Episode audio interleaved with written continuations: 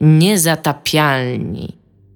Witamy w 511 odcinku międzynarodowo znanego, głośnego podcastu Niezatapialni. Mogliście nas przeczytać na portalu IGN. Jesteśmy w siłą, której nikt nie zatrzyma. Ja się nazywam Dominik Gąska, są tu dzisiaj ze mną. Iga Wasmańska. I Tomasz Pstrągowski. I ja muszę przyznać, bardzo szczerze muszę przyznać, że rzeczywiście jest to najprawdopodobniej pik mojej sławy, to, że IGN napisało Niezatapialnych i nigdy się nie spodziewałem, że będzie to z powodu twojego namęczania CD Projektu o to, żeby był odgłos jedzenia w grze. Eee, że taką tak. ścieżkę moja, moja, moja kariera obierze. Ja, ja tylko chciałem powiedzieć, że tam dzięki Bogu za Slow News Day. tak, to prawda. Eee, dla tych, którzy nie wiedzą, mm, jednym z naszych słuchaczy jest e, Eee, zapomniałem teraz nazwiska. Leszek Krupiński, przepraszam Leszku, który zajmuje się w CD Projekcie e, usługami online. On na przykład jest odpowiedzialną osobą za cross-save, co dzięki czemu mogłem ze stadii przenieść save'y, ale również jest osobą tam, no siedzi w tym studiu już jakiś czas i jest moim go-to człowiekiem, którego namęczam, jak chcę pogadać o cyberpunku i o dosłownie od, nie wiem czy od premiery gry, pewnie nie, ale... Tomek, jakby co to nie my. My tak. jesteśmy side jego haseł, żeby nam mówić o cyberpunku. Byłem wkurzony, że jak się w inwentory wybierze jedzonko, bo dla mnie to był problem, bo w tej grze nie da się zamawiać jedzenia w barach. Znaczy nie da się zamówić jedzenia w barze i mieć animację, tylko się wchodzi do baru i, i się otwiera się inwentory i trzeba kupić jedzonko. Więc jak się kupi to jedzonko i się wchodzi do inwentory i się je, to nie było takiego odgłosu chrup, chrup, chrup, albo ból, ból, ból, jak się używa tego. Ja za każdym razem, jak wychodził nowy patch, to pisałem Leszkowi, Leszek, czy jest już moje chrup, chrup? I Leszek już tak się tym wkurzył w pewnym momencie, że sam zaczął to załatwiać. I załatwił to i w ostatnim patchu do Cyberpunka zostało to wprowadzone. Napisał o tym na Twitterze serwisy międzynarodowe, znaczy IGN o tym napisał. Swoją drogą oznacza to, że możemy sobie teraz założyć wpis na Wikipedii niezatapialnych.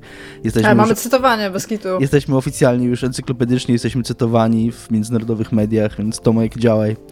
E, dzisiaj w odcinku... Nie, ja już nie, ja już nie zakładam nic na Wikipedii. E, w odcinku będziemy rozmawiać o mm, wydarzeniu, które IG... Mamy taki billboard, Dominik, w Heading Out. Mhm. Ten billboard ma ponad 20 wariantów i ja też w trakcie rysowania tych billboardów, ponad 20, kwestionowałem trochę sensowność tego, że, że tak, że nikt tego nie zobaczy, że to jest super szczegół, ale że nikt tego nie zobaczy. I twoim zadaniem życiowym teraz od dzisiaj jest namęczać na ten temat tak długo, aż IGN o tym napisze. Tego oczekuję od naszej przyjaźni, Dominik. Ale nie wiem, nie wiem kogo i jak miałbym namęczać, ale zobaczymy jak gra Możesz wyjdzie. Leszka. W podcaście będziemy dzisiaj rozmawiać o wydarzeniu, które bardzo poruszyło IGę, czyli bardzo. Sony State of Play, gdzie pokazano różne giereczki. Dla Tomka też coś tam się znalazło, dla mnie może też. E, Tomek opowie o tym, o czym chciał opowiedzieć tydzień temu, ale mu nie wyszło, czyli o subskrypcjach, grach, grach Lariana i tym, jak jedne się pojawiają w usługach, inne uciekają z usług i w ogóle jakie to jest w jakim to świecie bez własności i bez e, fizycznych mediów przyszło nam żyć coraz bardziej. A jak starczy czasu, to wspomnimy jeszcze o grze Liga Sprawiedliwości Zabić. Coś tam, coś tam. Liga Samobójców Zabić, Ligę Sprawiedliwości. Swoją drogą gram ostatnio w... Skład Samobójców. No tak. Oddział zabójczy. nie pamiętam, jak to się nazywa po polsku. Nie wiem, czy to ma w ogóle polskie tłumaczenie. Właśnie nie wiem, czy to jest. Ma, ma polski, ma polski tytuł na pewno, bo właśnie widziałem ostatnio na Xboxie, jak klikałem tam w listę znajomych, że ktoś Legion grał, Samobójców. Że ktoś grał w tę grę i była nazwana po polsku. Legion, Legion. Sam... Legion. Skład to jest Legion. Chyba, chyba Legion Samobójców Śmierć Lidze Sprawiedliwości, czy coś takiego. A Legion nie jest tak jakoś super definiowany, jako że tam musi być 124 typów, czy coś takiego? 1024 gigabajtów. No, ale coś takiego jest, nie? Że on jest jakoś tak stricte zdefiniowany od ilości nie, typasków? To nas nigdy nie powstrzymywało.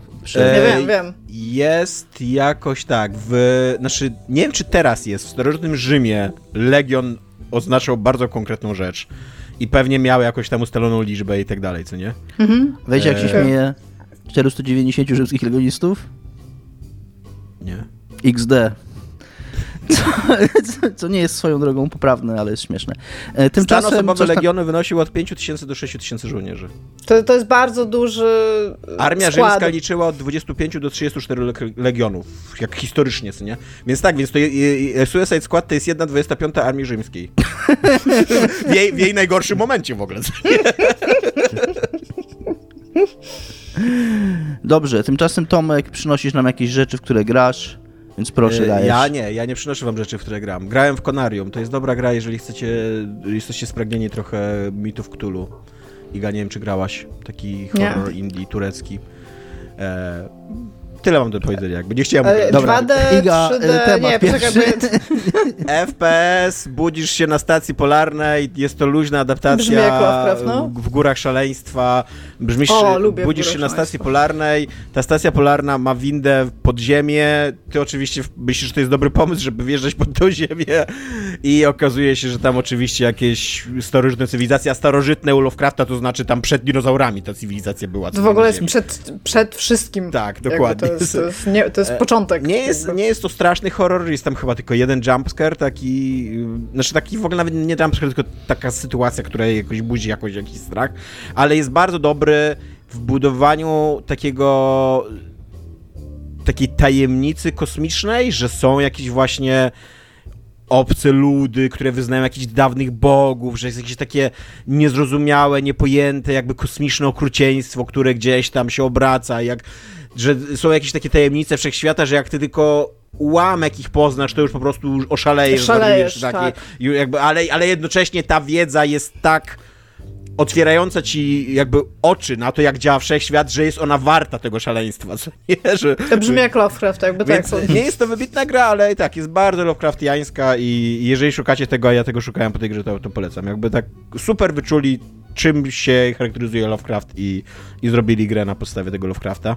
A przy okazji tak bardzo poczułeś e, tę moc starożytną, że szukałeś tego po tej grze, czyli po tym, jak już nią zagrałeś, a zacząłeś ją grać wcześniej, czyli ci się kontinuum czasoprzestrzenne zagięło, bo... bo... Nie, Jesteś ja, teraz w lupie, ja tego Lovecrafta każdym- szukałem trochę wcześniej, zanim zacząłem grać. A, bo tak usłyszałem, że powiedziałeś... że Prisoner szuka- of Ice jest jeszcze szuka- taka gra. Jest taka gra, pamiętam ją, tak, bo jest przygodówką i była chyba kiedyś w CD Action dodawana, więc nie grałem. Była, była pełna wersja, no. Tak, i pamiętam tę grę.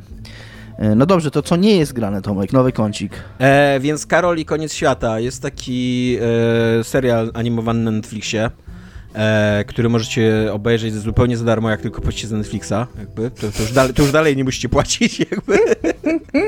E, 10 dwudziestokilkuminutowych odcinków, więc bardzo strawne. Jest to bardzo ciekawa rzecz. Jakby nie do końca spodziewałbym się, że coś takiego e, będzie sponsorował Netflix, bo nie jest to na pewno głównonurtowa animacja. To jest, to jest taka historia, taka animacja, którą ja bym się spodziewał bardziej oglądać na jakimś festiwalu animacji, tak jak ta impreza jest w Gdańsku, co nie? Niż właśnie, mówię, na Netflixie, największej platformie w ogóle kontentowej dzisiaj na świecie, co nie? E, bo jest to historia o tym, że na, w Ziemię zmierza na jakby inna planeta tak naprawdę, bo to... Ziemię uderzyli naziści. Znaczy, zmierza w naszym kierunku inna planeta albo, albo jakaś meteoryt, ale to jest, mówię, wielkości innej planety, co nie?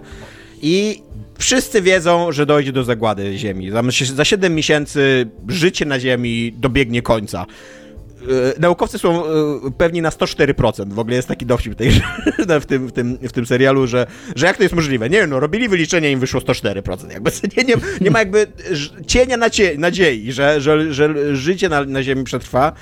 E, I ludzie w związku z tym zaczęli realizować się życiowo. Jakby tak, wiecie, wszystkie te schody, sk- skoki ze spadochronem, surfing, jakieś kurde y, poliamoryczne związki, y, wycieczki na drugi koniec świata, poznawanie się, jakieś takie imprezy, dzikie rejwy i tak dalej. Jakby ludzie odkryli, że, że za 7 miesięcy autentycznie kończy się ich życie i oni muszą zacząć korzystać z tego życia.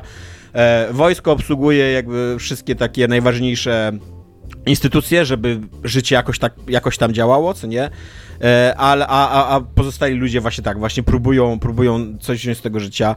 Natomiast nasza główna bohaterka, Karol, to jest e, samotna kobieta po 50, bezdzietna, która nie do końca się odnajduje w takiej właśnie rzeczywistości wiecznej imprezy, wiecznego poszukiwania siebie i jakiegoś takiego realizowania jakichś swoich marzeń i tak dalej. I to, czego jej najbardziej brakuje w życiu, w tych ostatnich siedmiu miesiącach jej życia, w tych ostatnich siedmiu miesiącach życia w ogóle planety, to jest normalne życie, taka zwykła życiowa rutyna i jakiś taki kontakt po prostu z rzeczywistością, z, z takim ułożonym życiem i, i, jakimś takim właśnie spokojem życiowym, jakby odnalezienie takiego spokoju życiowego, nie? E, I co jej się udaje zrobić w pierwszych odcinkach, to zatrudnić się w normalnej pracy. Jakby jest dosyć tajemniczym tam ta firma, która pracuje. Nikt do końca nie wie, dlaczego ona pracuje, jak ona pracuje i po co ona pracuje, skoro zbliża się koniec świata, po co jest potrzebny dział księgowości w tej firmie i po co jeszcze cały czas liczą te pieniądze, co nie? Natomiast jej się udaje zatrudnić w takiej firmie i tam w takim, takim normalnym no nie kubiklu, tylko na open space takim dostaje swoje biurko, ma swoje, ma swoje własne tam kuchnię korporacyjną, ma swoich własnych kolegów od kawki i tak dalej i prowadzi swoje życie. Ale jednocześnie poznajemy historię kilku postaci, jakby, które przemykają przez życie Karol i które właśnie w jakiś sposób tam realizują się życiowo. Na przykład jej rodzice zostali nudystami i do tego jeszcze weszli w trójkąt miłosny i teraz wypływają na podróż dookoła świata takim wielkim y, tym, tym wycieczkowcem, nie? E, jej siostra tam podróżuje po całym świecie i skacze ze spadochronem i wszystko kręci na kamerę i tam wysyła wspomnienia właśnie do rodziców i do tej Karol, nie? Jest też taki facet, który tam się zakochuje w Karol, a później się okazuje, że on jest strasznie smutny i że ma syna i ten syn jest jeszcze smutniejszy i tak dalej, nie? O Jezu, jak smutno. Tak. Eee, jest to bardzo fajny serial o takiej codzienności i o docenieniu właśnie takiej rutyny, której my zazwyczaj nie doceniamy w życiu.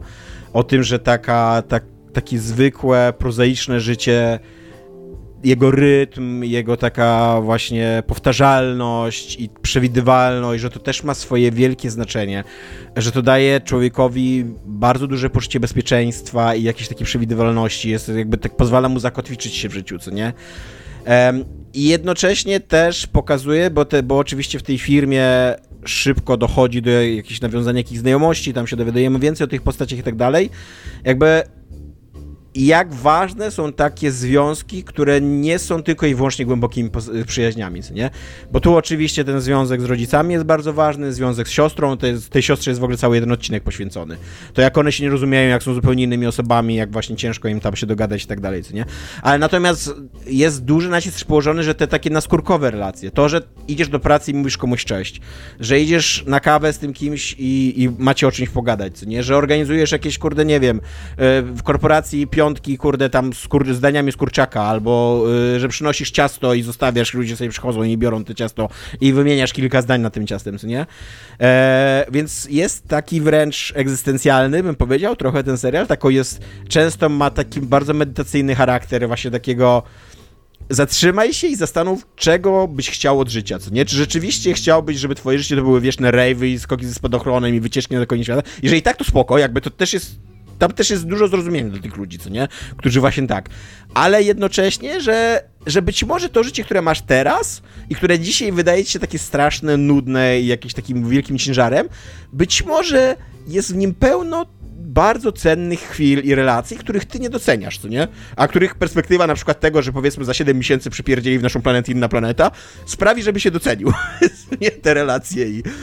Um, I tak, oglądać to bardzo fajnie, e, bardzo polecam. Jest zabawny, jest e, super, super udźwiękowiony, bardzo dobrą ścieżkę dźwiękową i ma bardzo dobrą aktorkę, która podkłada głos tej, tej, tej Carol, tą, tą główną. Ona się nazywa Marta Kelly. Jest rewelacyjna po prostu jest, jest ta aktorka, bo to jest, to jest bardzo zamknięta w sobie introwertyczna postać, która bardzo często tak mamrocze albo mówi tak, takie rzeczy takie zupełnie pozbawione emocji, bo jakby wstydzi się wypowiadać swoje emocje, co nie okazywać swoje emocje.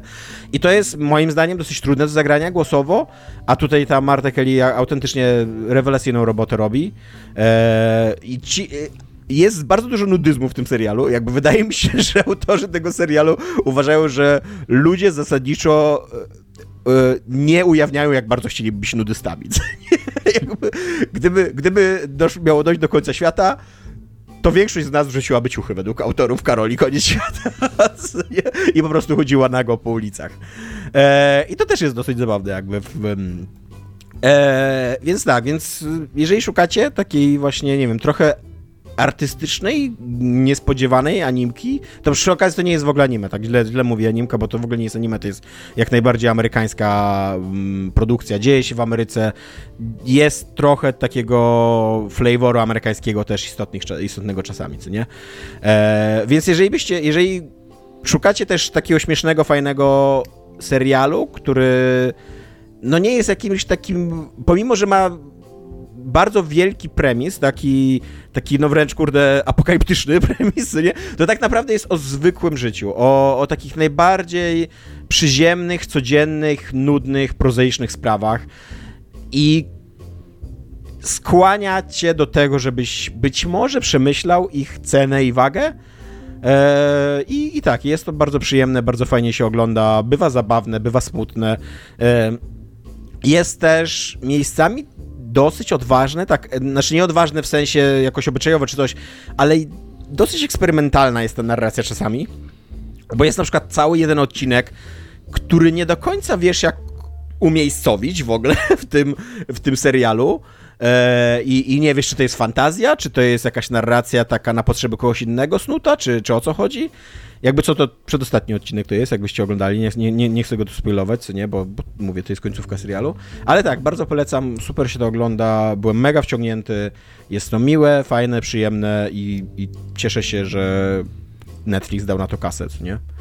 E, I najprawdopodobniej będzie tylko jeden sezon, to będzie tylko miniserial, bo sprawdzałem, szukałem, nigdzie nikt nigdy nie mówił o żadnym drugim sezonie, ani nic takiego, co nie? Więc to będzie taka raczej, taka rzadka, rzadka, rzadka perełka, co nie? Że coś powstało i, i, i jest sobie, co nie?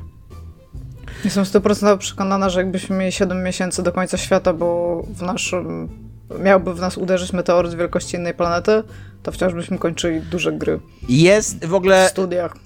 Jest w tym, w tym serialu bardzo dużo naiwnej wiary z ludzi, co nie? To prawda. Mm. To, to jest coś, co mi być może nie przeszkadza, bo on ma taki klimat i mówię, jest taki trochę sentymentalny, znaczy nostalgiczny, tak otwarcie i właśnie taki taki ciepły wobec ludzi, co nie? Natomiast rzeczywiście fakt, że nie załamałaby się gospodarka, że wojny by się nagle skończyły anarchia z dnia na dzień, tak, że anarchia tak. by nie zapanowała, że, że ludzie nagle by mieli środki, siły, żeby właśnie realizować swoje marzenia i tak dalej.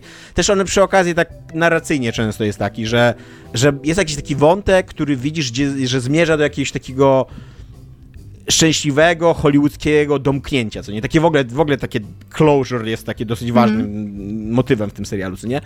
I on zawsze tam, zawsze tam dochodzi, zawsze, zawsze jest takie, takie miłe domknięcie na końcu, aha, co nie? Oni się odnaleźli, oni już wiedzą, co nie? Już będzie dobrze, będzie wszystko dobrze, nie? Więc być może to jest trochę minus ym, tego serialu, ja go no może jak... tego też trochę potrzebujemy w tym tak. momencie, wiesz, to wszystko jest okropne, więc czemu nie zobaczyć czegoś, co jest miłe. Tak, ja, ja, akurat ten dosyć, wydaje mi się, inteligentnie dobrali ten okres czasowy, bo akurat jeszcze 7 miesięcy to się wydaje na tyle krótko, żeby się ludziom nie znudziło, bo mm, ja ostatnio gdzieś tam nie mignęło na Twitterze, znaczy nie na Twitterze, ale tam taki, taki wpis z Twittera, że ktoś nam się naśmiewał, jak to w dzisiejszych czasach człowiek cynicznie patrzy na te wszystkie historie science fiction albo apokaliptyczne, jak to ludzkość, jakieś wielkie zagrożenie, e, z jakimś wielkim zagrożeniem się mierzy i nagle wszyscy ludzie na świecie się jednoczą, żeby je zwalczyć, czy tam COVID nam pokazał, jakie to jest naiwne i nieprawdziwe, że takie rzeczy tak. mogą się... Ale też COVID nam pokazał, w trakcie COVID-u było, było coś takiego, takie zjednoczenie, tylko ono trwało kilka miesięcy, no, zanim ludziom się znudziło po prostu, więc może, może to 7 miesięcy, zanim by się ludziom znudziła ta planeta lecąca w Ziemię. Może, może. Może można w to jakoś uwierzyć jeszcze. E, I polecam też e, książkę, krócej już o niej opowiem, bo, bo, bo już się trochę nagadałem. E, Moja ukochana i ja, książka Renaty Lis, to jest taki esej autobiograficzny o życiu mm, pary dwóch kobiet w Polsce. Renata Lis i jej ukochana właśnie poznały się w latach 90., związały się i do dzisiaj są jakby szczęśliwym związkiem. I Renata Lis opo opowiada po prostu tak autobiograficznie o swoim życiu, trochę o swoim dzieciństwie jako, jako, jako nastolatki, dziecka, jako dziewczyny, dziewczynki dorastającej w Polsce w PRL-u, jak wtedy wyglądały relacje społeczne i płciowe i e, jak jak dorastała, jak się uczyła, czym jest przemoc seksualna, albo czym jest też jakaś dyskryminacja, jak uczyła się trochę ukrywać to, kim jest tak naprawdę. A później jakby to jest na trzy części podzielona książka. To jest pierwsza część, to jest właśnie jej dzieciństwo, młodość. Druga część to jest jakby opowieść o tym związku od, y, w najróżniejszych aspektach tym związku I, i w aspekcie jakby seksu i w aspekcie jakby tego, jak bardzo zacofana jest Polska, jeżeli chodzi o, o uregulowanie sprawy związków e, partnerskich, homoseksualnych i tak. I to jest, to jest w ogóle świetna książka dla każdego, kto uważa, że nie ma takiego problemu jak w ogóle tam związki partnerskie w Polsce, że przecież można pójść do y, tego, y, jak się nazywa ten człowiek, co tam przy nim podpisy składasz? Notariusz. Notariusz. Do, można pójść do notariusza i w not, u notariusza można e, sobie tam ob, e, podpisać, że, że dziedziczycie po sobie i że możecie się reprezentować w, e, w szpitalach i tak dalej, co nie? Nie dość, że ona tam bardzo fajnie wyśmiewa, jak absurdalna to jest propozycja, co nie? Że nawet ja, nie będąc romantykiem, jednak cieszyłem się, że idę do urzędu i w jakiejś tam urzędowej atmosferze, co nie? Nie będąc też katolikiem, nie, nie, nie, nie chcąc kościoła, ale jednak to, to było miłe, że w jakiejś takiej uroczystej atmosferze mój związek został zalegalizowany, co nie? A ona tam zderza tą, tą, tą sytuację z tym, że siedzisz u notariusza. Y, jest takie prawo w języku w Polsce, że notariusz musi odczytać umowę notarialną na głos. Więc siedzisz u notariusza, ten notariusz czyta ci tę twoją umowę. To jest totalnie umowa taka, taka bardzo... Yy, życiowa, tam są, tam jest milion małych szczegółów zapisanych i tak dalej, co nie? E, ty składasz pod tym podpisy, a na końcu tak naprawdę ta umowa notarialna i tak nie jest niepodważalna, i tak nie ma takiego statusu jak Właśnie związki czy, czy małżeństwa. że w tak. momencie, kiedy ktoś zaczyna na przykład z twojej rodziny tak. na drodze sądowej ją podważać, to nie jest wcale tak. takie Tak, i ona, do, ona dokładnie tam opisuje jakby e, sytuację swoją i właśnie swojej partnerki i trochę tak wprowadza, jakie one mają racje, o, obie mają, jakie mają relacje ze swoją rodziną, co nie? No i jako, że obie też żyją, nie, nie do końca się jeszcze wyautowały przed tymi swoimi rodzinami, to te rodziny czasem zakładają, że to jest jakaś koleżanka, współlokatorka, wiecie, tam różne... że to jest współlokatorka, no, no właśnie, różne rzeczy się zakłada, co nie? I tak, i, i jakby dlaczego wujek, którego, który nawet nie bardzo lubi na przykład tą Renatę Lis, dlaczego on miał nie pójść do sądu i nie zaskarżyć tej umowy notarialnej tam po śmierci jej partnerki, co nie? E, I tak, i, i e, no bardzo ciekawy, fajny, dobrze napisany esej, jakby polecam. Fajny, wprowadza taką właśnie narrację osoby LGBT, która po prostu ze swojej perspektywy pisze o takiej zwykłej codzienności, co nie? Takiej, że nam się, nam się znaczy nam, mi, jako, jako heteroseksualnemu mężczyźnie, co nie? Czasem, czasem nie mam w ogóle jakby wyobraźni, co nie? Żeby myśleć o takich właśnie zwykłych codziennych czynnościach i codziennych jakichś takich przepisach i regulacjach, które dla mnie są oczywiste. Bo po prostu, bo, bo dla mnie zostały stworzone, co nie? Dla, dla, dla hetero y, związków, jakby so, to, to, po to jest stworzony cały ten kraj, co nie? Po prostu dla hetero związków, co nie? I jak to jest trudne dla, y, dla związków nie hetero, co nie? I też jak, jak, jak trudne są czasami takie drobne jakieś zachowania społeczne, jak na przykład, jak trudno, jeżeli mm, sąsiadka raz już, bo ta partnerka Renaty Lis jest trochę starsza, bo nie, nie dużo starsza, tam wynika mniej więcej z kontekstu, że jakieś 10 lat, co nie? I sąsiadka założyła, że to jest jej matka, co nie? No i od tam 10 lat to już jest jej to już, to już jest jakby wyryte w kamieniu, co nie? Bo, bo już ta sytuacja jakby zaszła tak daleko, one na początku nie miały odwagi, a teraz to już po prostu no, nie da rady tego odkręcić, co nie? Przy okazji konsekwencje są trochę nie do przewidzenia, bo nie wiadomo, czy to sąsiadka się obrazi, czy jest, homo, y, czy jest homofobiczna, a nawet jak nie jest homofobiczna, jak jakby normalne są na niej związki homo, homoseksualne, to może być trochę zdziwiona, że ta fikcja trwa tam już 10, żeby nikt jej wcześniej nie wprowadził z błędu, co nie? E, więc tak, więc mówię, fajna taka otwierające oczy trochę, przynajmniej dla mnie, narracja, dobrze napisany esej, super się czyta. Moja ukochana i ja, y, autorka Renata Lis. Więc to jest y, niegrane u mnie. Dobrze. dobrze Zacne nie granko. Dobrze, że nie grałeś, Tomek. Gry generalnie są szkodliwe, a poza tym jak się w nie gra, to się finansuje wielkie, szkodliwe korporacje, które ludzi zwalniają, a jak nie zwalniają, to robią wiele innych e, obrzydliwych rzeczy, takie jak na przykład firma Sony robi, e, a o tym opowie nam Iga Ewa Smoleńska, co Oj, tam... okropne. Dominik tak mówi, że jestem taka zachwycona tym State of Play, bo Sony y, pokazywało tego swojego Nintendo Directa, którego też ma i się nazywa Sony State of Play. E, nie wiem, czy się w ogóle ze mną zgodzicie, ja lubię ten format. On nie jest przegadany tak mocno. Czasami troszeczkę za bardzo, ale jakby to jest godzinka, pokazują gry, które wyjdą z datami bardzo często i to jest okej. Okay. Pewnie no następnego właśnie... dnia, tak jak Microsoft ogłosi, że tam, że fajnie, że robimy tę grę, ale zwolniliśmy 2000 ludzi, co nie, którzy je robią. To nie, to, to nie jest trochę tak, że Microsoft wyszedł i to ogłosił? No Microsoft tak zrobił, ale... zrobił te Developer Direct, Developer, jak to Tak, Developer tak, tak, Direct tak. i potem tak następnego I, dnia. I następnego dnia, że dobrze, fajnie, że mamy tych ludzi, ale ich zwalniamy. Tak. no, w każdym razie... Y State of Play Sony wyszło i moim zdaniem, a teraz y, być może jeżeli słuchacie nas pierwszy raz, bo przeczytaliście o nas na IGN-ie, to pewnie się zastanawiacie w jakim języku mówimy, to jest polski. jeżeli dotarliście do tej minuty, to naprawdę was podziwiam, ale spoko. Ja nie jestem super wielką fanką Sony i ogólnie tego PlayStation 5, które mamy teraz jako reprezentanta tej generacji w, w, w stajni Sony. Aczkolwiek ja uważam, że to był bardzo solidny state of play. I e, być może nie dlatego, co. Że większość... stan gry jest solidny, tak byś powiedział. Stan gry jest solidny. Tak, tak, tak. To oni to swoją nie, no, drogą tłumaczą jako stan gry. W sensie ja mam. mam Solid to, state of play. To może najpierw powiem o moich własnych uczuciach, o, o co mi chodziło. Zobaczyłam to i to nie jest tak, że wszystkie te gry mnie jarają, ale uważam, że to są duże tytuły, wiele z nich ma zaraz premierę i to jest fajnie, że jakby one zaraz wyjdą i ludzie, którzy mają PlayStation, mają na co czekać. O w ten sposób. Uważam, że to jest bardzo w porządku. A, I teraz tak. E, cały show się zaczynał od Helldivers 2, które wyjdzie 8 lutego. Czyli za, teraz jak nagrywamy to za 3 dni, jak tego słuchacie w dzień premiery, to za 2 dni. Jeżeli słuchacie to kiedykolwiek idzie, to sobie sami policzcie.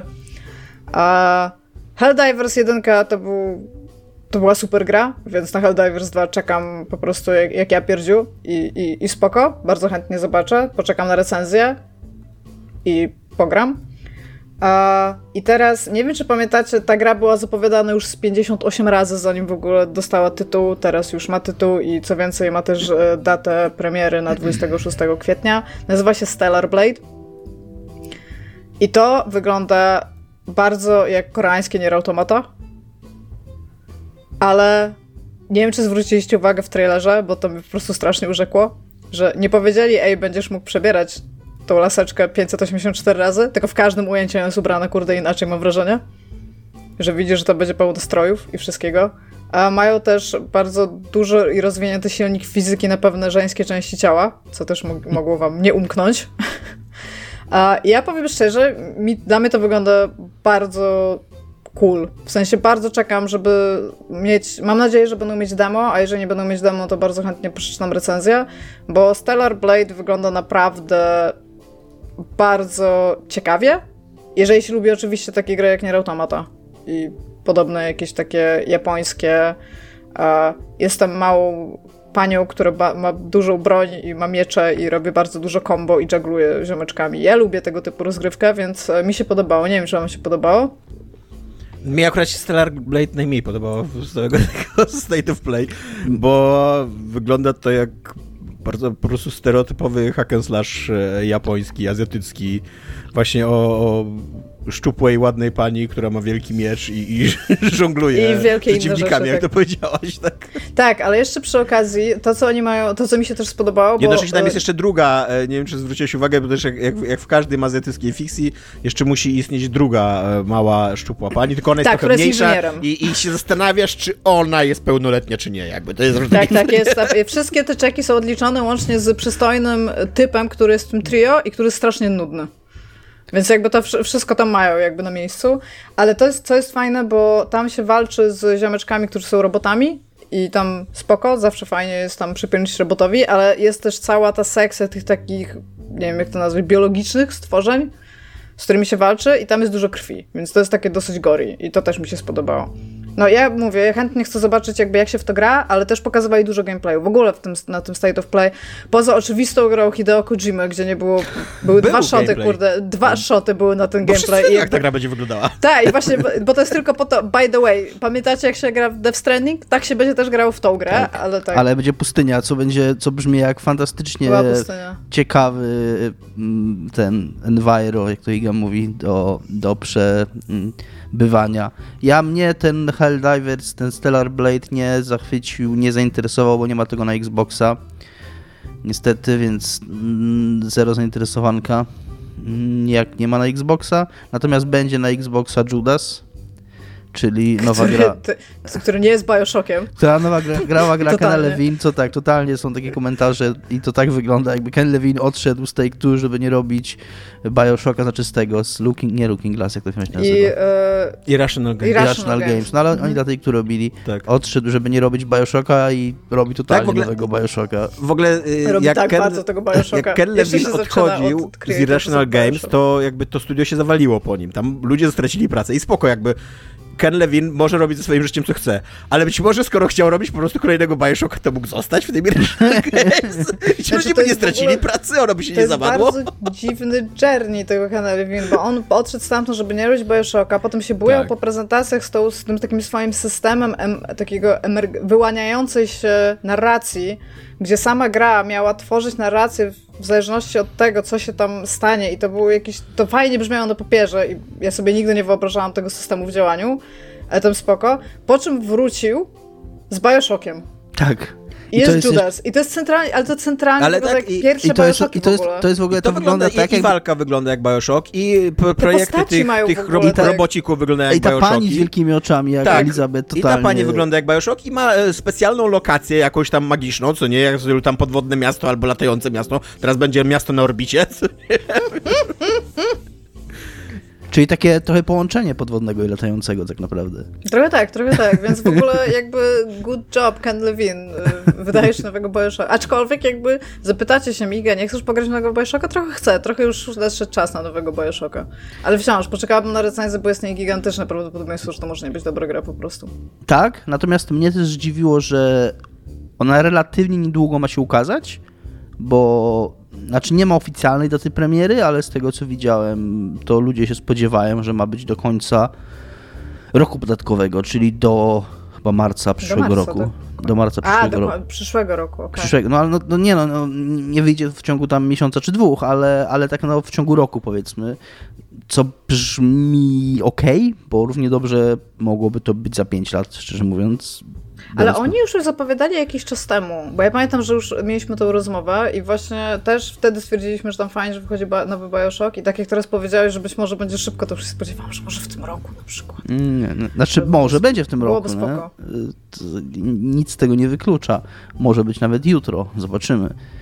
Mm, Wątpię, ale kto wie, Shadow Drop będzie na Xboxa. Będzie na Xboxa również druga gra, która mnie trochę interesuje, czyli To jest Dragon's Dragon's Dog... Dogma 2, Jak tylko to widziałam, to pomyślałam, Dominik będzie w to grał. chociaż no właśnie nie wiem. Na razie jestem bardzo zainteresowany, głównie dlatego, że ta gra wygląda ładnie na tym Wygląda trochę jak Monster Hunter ta walka. Trochę wygląda jak Monster Hunter, trochę wygląda jak Dragon's Dogma. Mm, Ja ja jestem Dragon's Dogma za bardzo, jak kupiłem szczerze. Dragon's Dogmę, Natomiast poziom bullshitu, fantazy, jaki leci w tym trailerze, jest, jest dla mnie taki już naprawdę wysoki. Co, nie? tam, tam co zdanie to jest jakieś wybranie, z który gdzieś tam został przepowiedziany i ma jakieś magiczne umiejętności, żeby uratować świat przed wielkim złem. I to się w ogóle Które jeszcze wyszły z powiedzenia dziury. uży- uży- uży- używa w pewnym momencie. Jednak, że nie, to już koniec, to już, to, to już, to już powinienem to zrozumieć. ja, tro, ja mam Dragon's Dogmę 1, kupiłem i pograłem w nią chyba ze 4 czy 5 razy podchodziłem do tej gry i jakoś nigdy się w nią nie wciągnąłem. Głównie teraz to w ogóle się nie da w nią grać, bo wygląda jak kurna kupa zrobiona przez kupę w ogóle. Wow! Chociaż może jeszcze spróbuję, ale tak, no wyglądało ładnie. Tak ten i tak, y, ma taki sznyt y, trochę next-genowy. Ja niestety mam ten problem tak z Dragon's Dogmą i nie wydaje, znaczy wręcz przeciwnie, wygląda na to, że totalnie wygląda na to, że dwójka, dwójce będzie to samo, bo to był też tak- taki trochę selling point jedynki, czyli ten system pionków, które sobie przyzywasz, które są jakimiś takimi monsterami, bytami nieludzkimi, które po prostu, których celem istnienia jest bieganie za tobą i walczenie z Dla potworami. mnie zawsze był inny selling point tej gry, że się możesz spinać na potwory. To też. To jest akurat spoko. Tak. Ale właśnie ja mówię o tym selling poincie z pionkami, dlatego, że to jest główny powód, dla którego mi ta gra nigdy nie wciągnęła. Bo zawsze miałem jakiś taki intelektualno-emocjonalny problem z tym, że kim są właściwie te pionki i czemu one za mną biegają i czemu to nie jest moja drużyna. Wyobraź sobie, że to są karty. Mam do siebie bardzo prosty sposób, żeby to ominąć zamiennik. Natomiast y, y, mam tutaj y, przetłumaczone zdanie, ostatnie zdanie z tego trailera. Jest Mhm. po polsku, bo było tam tłumaczenie na polski, a nie chce mi się jakby przy, przyłazić. Jednak twe nikczemne plany nie zawiodą o obserwatorze. To jest ostatnie zdanie trailera. To, to powinno mnie zachęcić do kupienia tego jakby. Dużo, pyta- dużo pytań ma, wprowadza to zdanie, Tak. mało odpowiedzi daje. Jak na ostatnie zdanie trailera. Być może taki był cel, tak? Żeby cię na. A też na ona zaraz wychodzi, więc te odpowiedzi już zaraz będą. W marcu, tak, tak, więc o tyle dobrego. Jest to o tyle fajne, mówię, ja na tą grę czekam, bo ten, podoba mi się jak ona wygląda i może, może spróbuję w nią zagrać. Nie jakoś super czekam, natomiast jest to fajna historia, ponieważ to jest trochę taki underdog, podpies ta gra i to To studio. jest podpis. To jest podpis do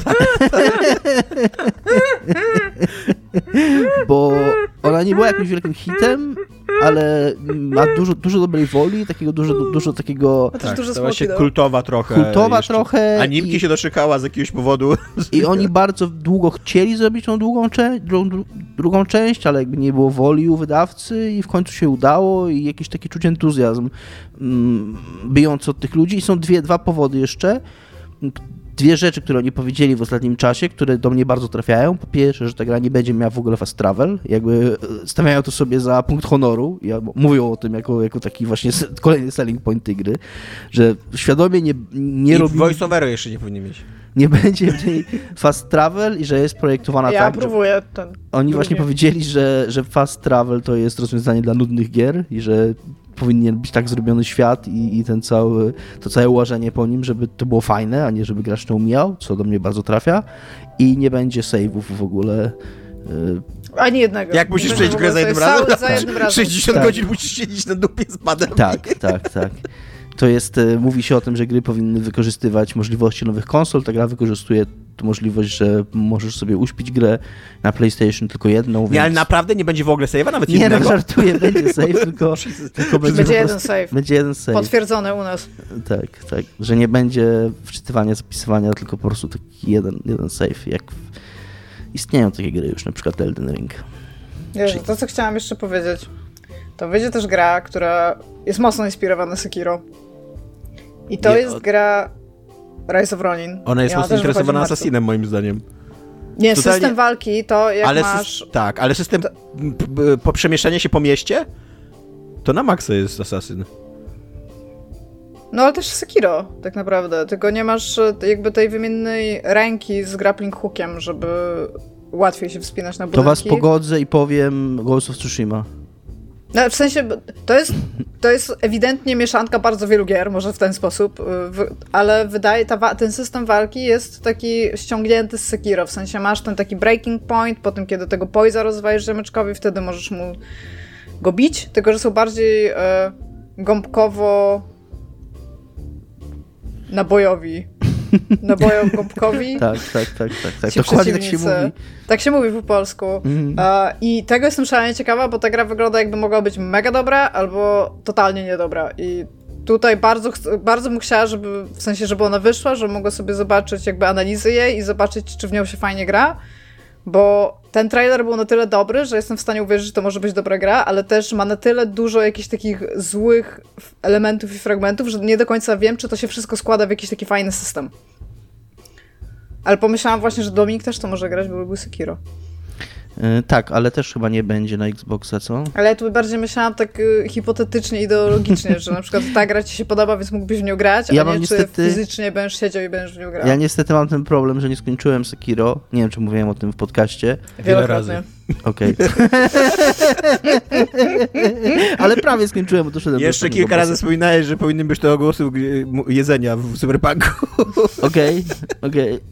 Ale to dzisiaj to było ważne, bo o tym wspominaliśmy. Ale tak, więc najpierw muszę skończyć Sekiro, zanim zagram w Rise of the Ronin, nawet hipotetycznie. Tak.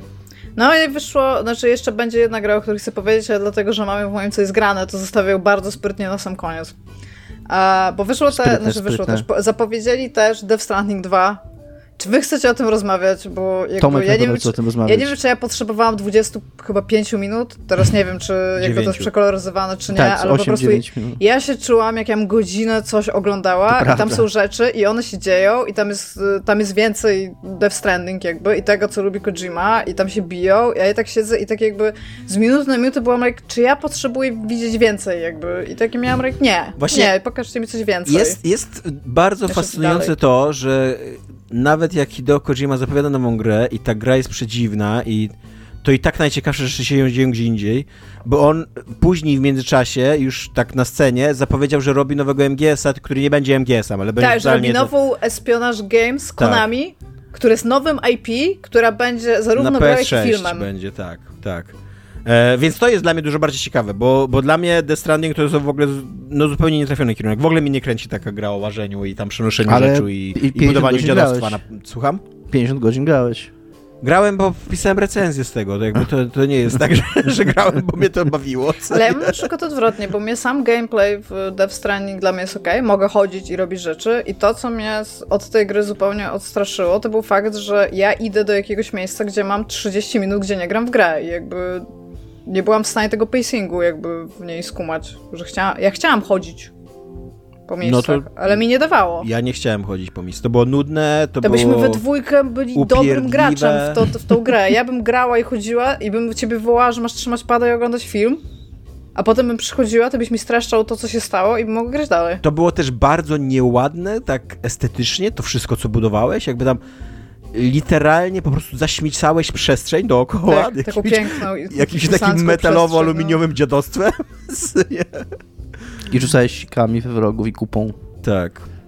I w ogóle tak jak, e, tak jak widzę, że Hideo Kojima wyobraża sobie Stany Zjednoczone jako Islandię, tak Meksyk sobie wyobraża jak Alpy, tak? Jakby wiedza geograficzna, tak, bo tak się wydaje, że ta gra się będzie działa gdzieś tam w Meksyku, bo No. wspominają Znaczy w pewnym powiedzieli momencie, coś tak. takiego. W pewnym momencie tam. wspominają o Meksyku, to może być jakaś sugestia, co nie, że tam się będzie...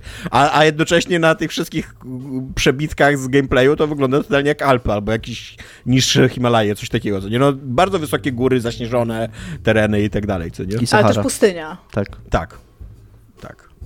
Co mówię, co brzmi jeszcze no bo to chodzenie w Death Stranding, ono potrafiło być w miarę okej, szczególnie jak tam był jakiś trudny teren i trzeba było trochę kombinować i tam uważać, żeby nie pogubić tych pudełeczek, ale marsz przez płaską pustynię się wydaje no średnio wciągający i pociągający.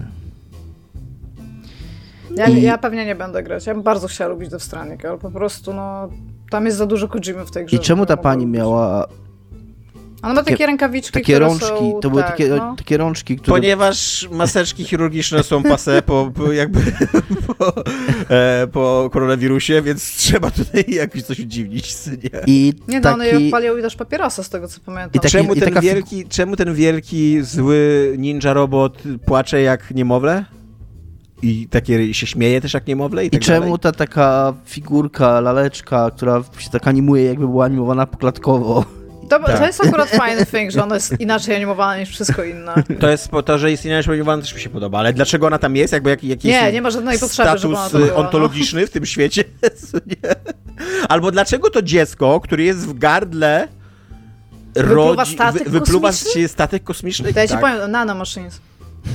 To jest nanomaszyna, dosłownie. Tak. No tak, głupi ja.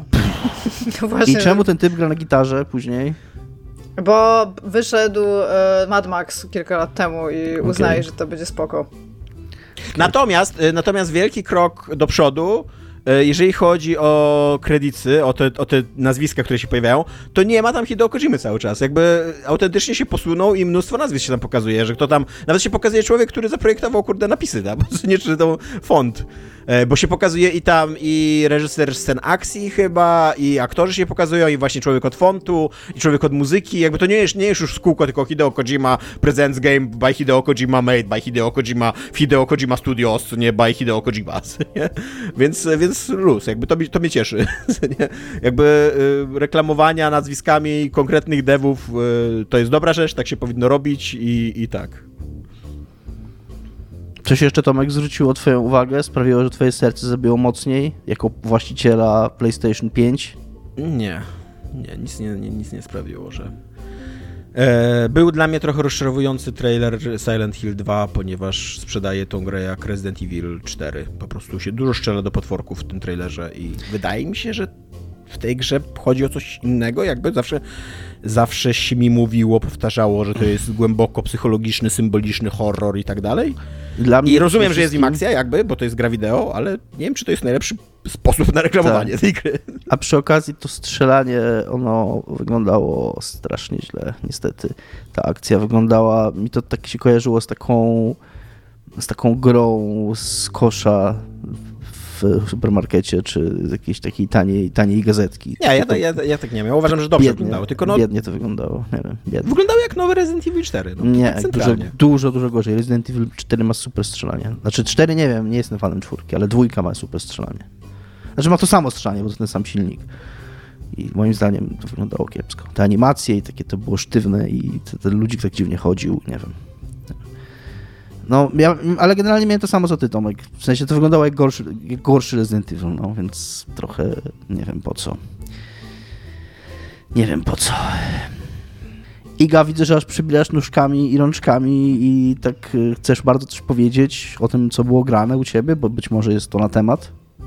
E, znaczy, ja po pierwsze to chciałam powiedzieć, że ja nic nie mogę mówić o tym, o czym wy przed chwilą mówiliście, bo jak wiemy, firma, w której pracuję, ma coś wspólnego z produkcją, o której przed chwilą mówiliście, więc nic nie, na ten temat nie mówię. Natomiast e, na tym State of Play został zapowiedziany e, taki gra free to play, które e, było powiedziane, że już jest dostępna, nie wiem czy na to zwróciliście uwagę, że już jest dostępna, dostępna na sklepie, kiedy to mówili, co było kłamstwem, bo zaraz kiedy to powiedzieli, to weszłam na sklep PlayStation, żeby zobaczyć ją i jej tam nie było. A następnego dnia rano już ściągnęłam, więc może mieli jakiś, jakąś czkawkę po prostu serwerową albo coś takiego. A, I to się nazywało Silent Hill The Short Message. A, to jest gra stworzona, żeby od razu powiedzieć i tutaj wytypować przez Hexa Drive na Epiconami. A, I trwa jakieś dwie godziny. I ona już na samym Jest za darmo. Jest za darmo, zupełnie, zupełnie za darmo. Bez PlayStation Plus po prostu można sobie ją ściągnąć za darmo ze sklepu. A ja chcę tutaj powiedzieć, że ona już na samym początku mówi, że będzie e, opowiadać o tam e, traumatycznych jakichś przeżyciach, od razu też odsyła do takiego Suicide Hotline, tak? To są pierwsze, pierwsze screeny po prostu z tego, jak się wchodzi do tej gry. Więc już mniej więcej ci obrazuje, mniej więcej jaka będzie tematyka. I niestety, o ile tą tem tematykę, którą e, jakby podejmuje, bo tam jest e, aspekt, to, to, to jest gra o nastolatkach, czyli o tym, jak e, mogą być traktowane w szkole przez innych nastolatków, e, w jakim się znajdują jakby stanie emocjonalnym. Wiadomo, że to jest taki bardzo emocjonalny okres jakby w rozwoju człowieka. A i o tym, żeby tam sobie pomagać jest bardzo dużo. I niestety jest to podane najprawdopodobniej w najgorzej napisany sposób, w jakim w, ży- w jakim w życiu po prostu miałam do czynienia. Jakby to, to, to, to aż czasami boli po prostu, w jaki sposób ta gra mówi o niektórych rzeczach. A tam od poziomu dialogowego znajdźki są akurat tam spoko w miarę napisane powiedzmy, ale te dialogi i wszystko co się dzieje to jest po prostu jakaś totalna pomyłka. A, I o ile ona nie wygląda źle, bo to, to muszę jakby powiedzieć, że short message wygląda bardzo zacnie, jakby może w ten sposób, a to jest to szalenie niefajne doświadczenie jakby gracza. Ja bym raczej, co mówiłam Tomkowi tutaj w przerwie pomiędzy naszymi nagraniami, odradzała poświęcać swój czas na tą produkcję, ale jako, że jest za darmo, to pewnie można odpalić i zobaczyć. Czy jest straszna chociaż trochę? Nie, w ogóle nie.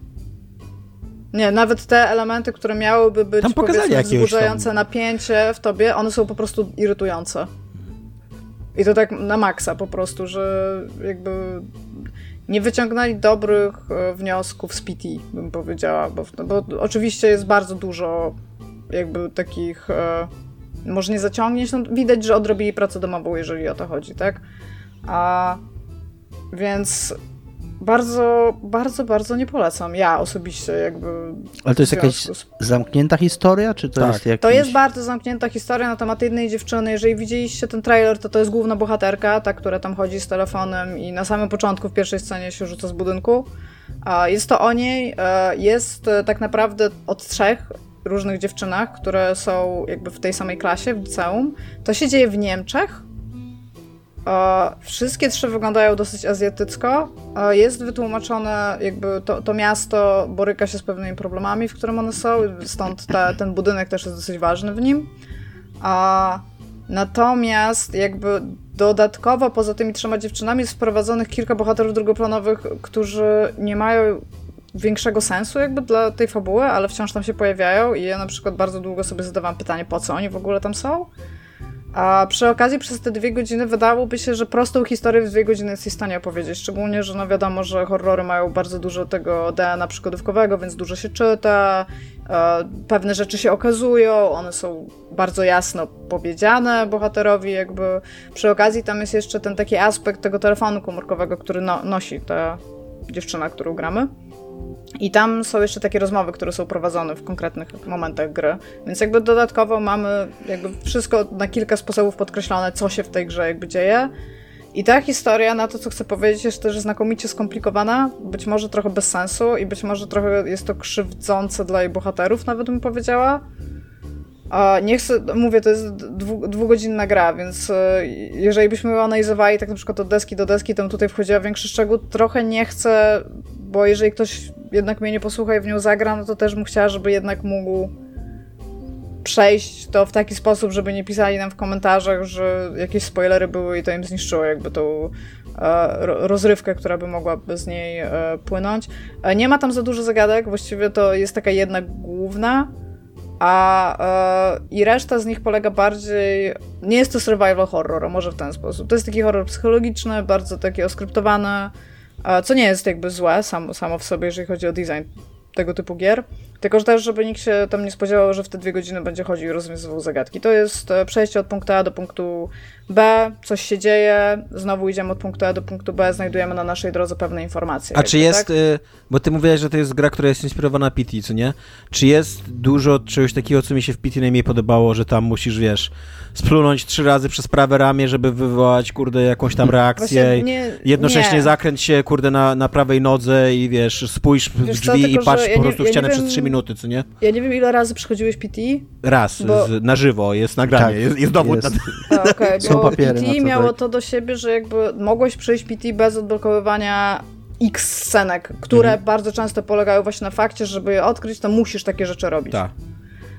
I jakby to nie jest wciąż, to nie jest źle dla gry, jeżeli ma jakiś ukryty content dla graczy, których chcą bardzo pokombinować z czymś na przykład, nie? Tutaj jest bardzo prosto to zrobione. W sensie musisz zrobić pewne rzeczy, żeby odsłonić sobie jakby drogę naprzód. Więc tego tam nie ma. Ale ja bym nie powiedziała, że to jest problem PT. Moim zdaniem w PT to było spoko wprowadzone, bo bardzo często to był bardzo dodatkowy content, który się za, za czymś krył po prostu, za tym, że musisz to pokombinować. To jest ewidentnie zrobione bardziej jako taki mood piece, może bym powiedziała, więc y, go, się, go po prostu siadasz i przechodzisz. Jest tam taki jeden mega przekomplikowany element, który trzeba przejść i na przykład ja już tam byłam blisko rage quitowania, no ale przeszłam go on nie jest super długi, tylko jakby musisz się bardzo mocno orientować w przestrzeni, która oczywiście jest dosyć abstrakcyjna, żeby, żeby go przejść. I on jest przy samej końcówce gry, więc jeżeli do tego momentu dojdziesz, to raczej jakby przepchniesz się przez niego, a może w ten sposób. A, aczkolwiek, no, y, je, jeszcze jedna rzecz, ja w nią grałam po angielsku, nie znalazłam opcji, żeby zmienić język, ale ewidentnie te cutscenki, bo te cutscenki mają prawdziwych aktorów tam w ogóle w tym. To też było pokazane już. Taki w... live action, tak? Tak, tak, tak. tak. A, I one są też takie bardzo, mm, bym powiedziała, symboliczne. Jeżeli one się dzieją w jakiejś przestrzeni, to one się tak naprawdę docelowo pewnie dzieją w troszeczkę innej przestrzeni, ale jakby to mocno nie przeszkadza. Ale yy, wydaje mi się, że one nie były kręcone stricte po angielsku, a jeżeli były, to yy, dialogi na nie były dogrywane potem jakby przez co masz taki eerie e, miejsca, gdzie ktoś rusza ustami, to nie jest do końca zdatne tym, w jaki sposób coś mówi. Jak, jak w starych filmach polskich, dialogi zawsze były dogrywane jakby post factum, żeby były słyszalne i, i rozum, rozumiane. I przez to ten nie dość, że właśnie ten tekst, bardzo często ten tekst, co mówiłam, że, że mam problem trochę z tymi dialogami, on jest na takim gigantycznym poziomie ogólności, czyli na przykład jeżeli tam jest takie jedno zdanie, które się pojawia i to jest wszystko, co jakby wszystko, co złe jest przez ciebie. I może po polsku nawet to everything bad happens because of you.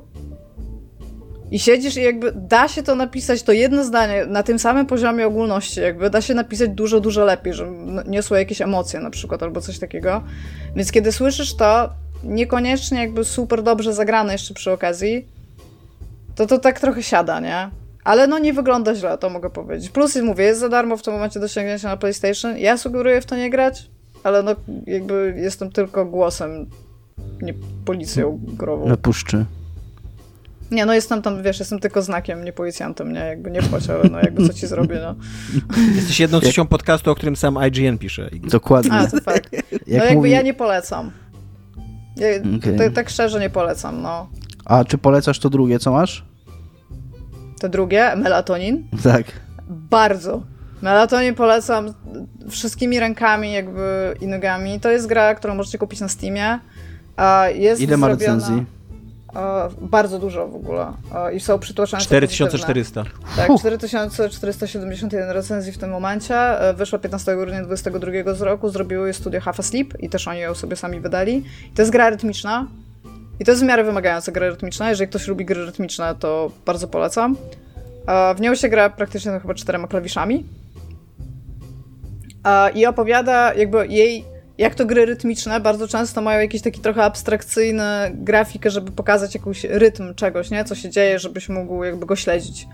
I e, tak jak nazwa wskazuje, melatonin, to jest o takim... Głównym bohaterem jest tak, taka postać, która zasypia, bo, bo różne rzeczy się dzieją, czyli na przykład jest zestresowana i wtedy ma sny o stresie. Jest taki cały rozdział, gdzie są cztery jakby takie ma plansze, mapy, gdzie się dzieją rzeczy związane ze stresem, czyli na przykład śni mu się, że tam ucieka po drabinach, a pod spodem tam jakaś woda, tak, wzbiera, albo tam ogień, albo ma sny o jedzeniu, bo tam ma jakiś taki chillaxowy dzień, więc tam śni mu się, że y, tam, nie wiem, pudełko od pizzy fruwa i wyrzuca do jego buzi pizzę i trzeba ją łapać w buzie, albo coś takiego.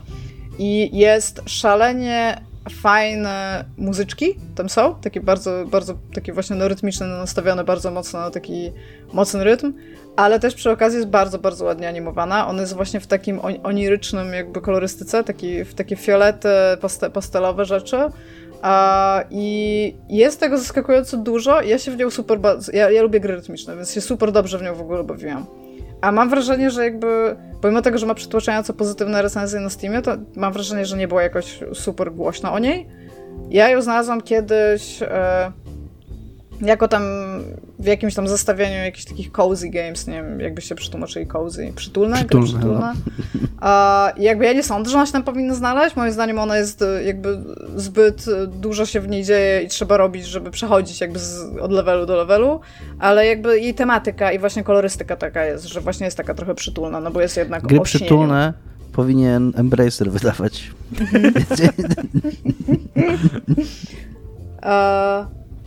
Więc ja w ogóle tak właśnie bardzo, bardzo, bardzo polecam melatonin. Szczególnie, jeżeli lubicie gry rytmiczne i szczególnie, jeżeli lubicie, żeby dawały wam jakiś taki... E, no, żeby jakieś wyzwanie to było, aczkolwiek ma bardzo duże opcje accessibility, które to wyzwanie może troszeczkę zmniejszyć, w zależności od tego... Były takie dwa levely, z którymi miałem gigantyczny problem, jakby nie słyszałam tego cue, jakby, o które wymagało, żebym kliknęła coś, a w pewnym momencie ona, ta, tam ci jakby znikają takie wskazówki wizualne, że, żeby, żeby ci jakoś tak troszeczkę jakby zwiększyć trudność tego levelu. I jesteś w stanie sobie bardzo dużo z tych rzeczy kontrolować w samym accessibility, żeby ci, bo tam, żebyś mógł jakby osiągnąć taki wynik, jakbyś chciał. Więc dla oszustów też są opcje tam. Jak długa jest ta gra? Ja przeszłam w jakieś 4 godziny, tylko ja starałam się tam zrobić wszystko, nie? Więc e, wydaje mi się, że tak w 2 godziny takie naprawdę spoko rozgrywki z tym, że no to jest gra rytmiczna, więc jakby możesz sobie, nie wiem, siedzieć, pić herbatę, klikać spacje i strzałki tam chyba były, z tego co pamiętam tylko. Yy, więc wiesz, no jakby masz jedną rękę wolną, dobrze zgrać w słuchawkach, no bo jednak ten rytm to musisz słyszeć. I e, ja, ją ja w nią sobie tak grałam, że jak sobie na przykład robiłam jakąś przerwę od pracy, albo potrzebowałam tam na chwilkę, nie wiem, przestać o czymś myśleć, to sobie odpalałam i sobie przechodziłam, wiesz, level tam na tyle, na ile byłam w stanie i żeby zobaczyć, co jest dalej. Więc jest naprawdę, ja, ja bardzo, szalenie bardzo polecam. Mam ją też na Steamie w razie. Brzmi super, brzmi super. E, natomiast Iga ma na Steamie Melatonin, natomiast na pewno nie ma już na Steamie Spec Ops The Line. E, przynajmniej nie można kupić Spec Ops The Line. Chciałam ci powiedzieć, że ja mam akurat, więc jakby to mi nie zniknie, tak, bo to też tak. jest ważny element tego Tak, to prawda. A o tym e, opowie i o innych rzeczach Tomasz Strągowski. Doktor e, nauk. Tak. Y, ja miałem mówić tak w ogóle o Larianie, ale, tak, ale może ale o Spec Ops The Line też mogę powiedzieć. O jednym i drugim miałeś mówić. E, tak, bo Spec Ops The Line wydaje się trochę takim jakby na marginesie y, tematem. Natomiast tak, Spec Ops The Line y, znika ze Steama. To nie znaczy, że w ogóle znika z cyfrowej dystrybucji, co jest trochę dziwne, bo on znika dlatego, że się kończy licencja na muzykę, która jest wykorzystana w tej grze. Co po pierwsze jest dziwne, bo okej, okay, po prostu wyłączyć tą muzykę. Lepiej sprzedawać grę bez jakiegoś utworu muzycznego, który jest y, w grze. Podejrzewam, że chodzi o mm, hymn y, amerykański grany przez Jimmy'ego Hendrixa, ale nie jestem pewien. E, lepiej, lepiej sprzedawać po prostu grę bez jakiegoś kawałka, nawet jeżeli to będzie jakby no niekorzystne, co nie? Niż po prostu jej nie sprzedawać. niech, ona, niech ona sobie istnieje dalej. Po drugie, to też jest dziwne, że ona znika tylko ze Steama, a właśnie nam GOG podkreśla, podkreślał wprost, że u nich cały czas można kupić tą grę. Eee, I jakby to, że ona znika, to jest trochę ważny news, dlatego, że to jest ważna gra. Natomiast mi się nie wydaje, żeby to był rzeczywiście ważny news, bo e, u nas też na grupie pojawił się chyba Topesz, e, mówił, że, że to jest właśnie taki, taki czerwona, czerwony, czerwona flaga, co nie czerwone światło, że co się dzieje, jak się przekładamy na dystrybucję cyfrową. Spec Ops The Line wyszedł w pudełkach, wyszedł w czasach jeszcze, kiedy gry sprzedawano w pudełkach. Jest mnóstwo pudełek ze Spec Ops The Line gdzieś po świecie rozrzuconych, te kilkanaście, podejrzewam, no nie no, kilkanaście milionów. Jest znana historia o tym, Ale... jak na pustyni w Nevadzie zakopano tak, Spec Ops tysiące pudełek Spec Ops The Line. Myślę, że kilka milionów, może pewnie milion pudełek się sprzedało, jakby tego, to, to była gra, która jakiś tam sukces odniosła, co nie? Więc to nie jest tak, że ona znika też z tych pudełek e, i, jakby ta cyfrowa dystrybucja to był trochę dodatek. To, nie, to jest jak, e, jeszcze gra sprzed tego takiego, tej rewolucji cyfrowej dystrybucji, że dzisiaj już często tylko grę cyfrową można kupić i ona w ogóle pudełkowo nie wychodzi, co nie? Spec Ops to nie jest po prostu taki case, jakby, co nie? Wydaje mi się, jakkolwiek rozumiem, że to jest news, tylko, że to jest news wynikający chyba dlatego, że to jest ważna gra, że Spec Ops była ważna i była głośna i teraz jest, cza- jest trochę taki moment, że ej, ej, pamiętacie tą grę sprzed tam dwóch generacji? Ona była ważna i głośna, ej, przypomnijcie sobie ją, może, może zagracie na nią, bo, bo ją cały czas można kupić tylko gdzie indziej, co nie, tylko nie na Steamie. Też podejrzewam, że pudełko ze Spec Ops zdziwił mi się, gdy pudełko na tam Xbox 360 czy PlayStation 3 dużo kosztowało, co nie, ze Spec Ops. To tak. E, więc tak, więc znika e, Spec Ops Line. Natomiast e, jest to temat trochę związany z, z szerszym tematem. Jeszcze jakim... tylko powiem tak. na marginesie, przepraszam, że ci przerwę, ale żeby zamknąć ten temat, że Spec Ops The Line jest również we wstecznej kompatybilności na Xboxie, więc jeżeli dorwiecie pudełko na, z wersją na Xbox 360, to możecie w tę grę zagrać na Xboxie One albo na Xboxie Series XS. Tak, bez kitu wszedłem... XS as we speak wszedłem na Allegro. Można kupić Spec Ops The Line na Allegro. Fakt, że to nie jest tania gra, jak na używkę na Allegro, co nie? Natomiast za ile tam? Yy, 200 zł można ją kupić, co nie? To jest dosyć drogo. To jest, to jest drogo, tak, bo zgadzam się tak, że pewnie, mówię, pewnie nie tak dużo jej, jej było, jakby e, ty, tych pudełek nie tak dużo się sprzedało i, i, jest to stara gra i tak dalej, ale jest ona dostępna, co nie? Widzę e... tutaj... Ale nie, nic, nie widzę, nic nieważne. No, nic nie widzę. Co? Nic nie widzę. Nieważne, zostawmy. Jest e, też no. w, cały czas dostępna w sklepie cyfrowym Microsoftu na Xboxa. Kosztuje, nie wiem ile kosztuje, ale jest w każdym razie. Nie, nie jest. Nie ma. Co się dzieje? Tomek, ra ratunku! Wpisałem w Google i był link, ale jak się kliknie w link, to jest, że niedostępny. Ciekawe, no. czy ja mam swój egzemplarz w pudełku. No, w sensie ściągnęli na pewno jest z takich e, jakby najbardziej znanych storefrontów. Da się chyba jeszcze na Gogu kupić? Tak, tak, tak, mówię o Na tym. pewno Tomek. się dało, jak, Tak. jak ten news jakby się pojawił, to na pewno GOG wręcz jakby ogłaszał, że u nich cały czas można kupić Spec Ops The Line, nie? Jeżeli nie macie Spec Ops The Line, nie graliście, to kupcie na Gogu Spec Ops The Line. Taki hint. Tak, to jest, w ogóle, to jest w ogóle super gra, jeżeli macie okazję w nią zagrać jeszcze,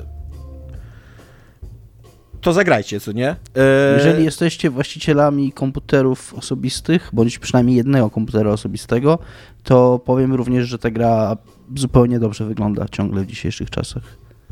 Mówię, Mówię, że Szedłem teraz na Goga i nie ma tam Spec Opsa, jak się wpisze po prostu No właśnie. przeszukiwarkę, więc możliwe, że już zniknęła w międzyczasie, no. wszystko się w ogóle Cała zmienia. nadzieja stracona.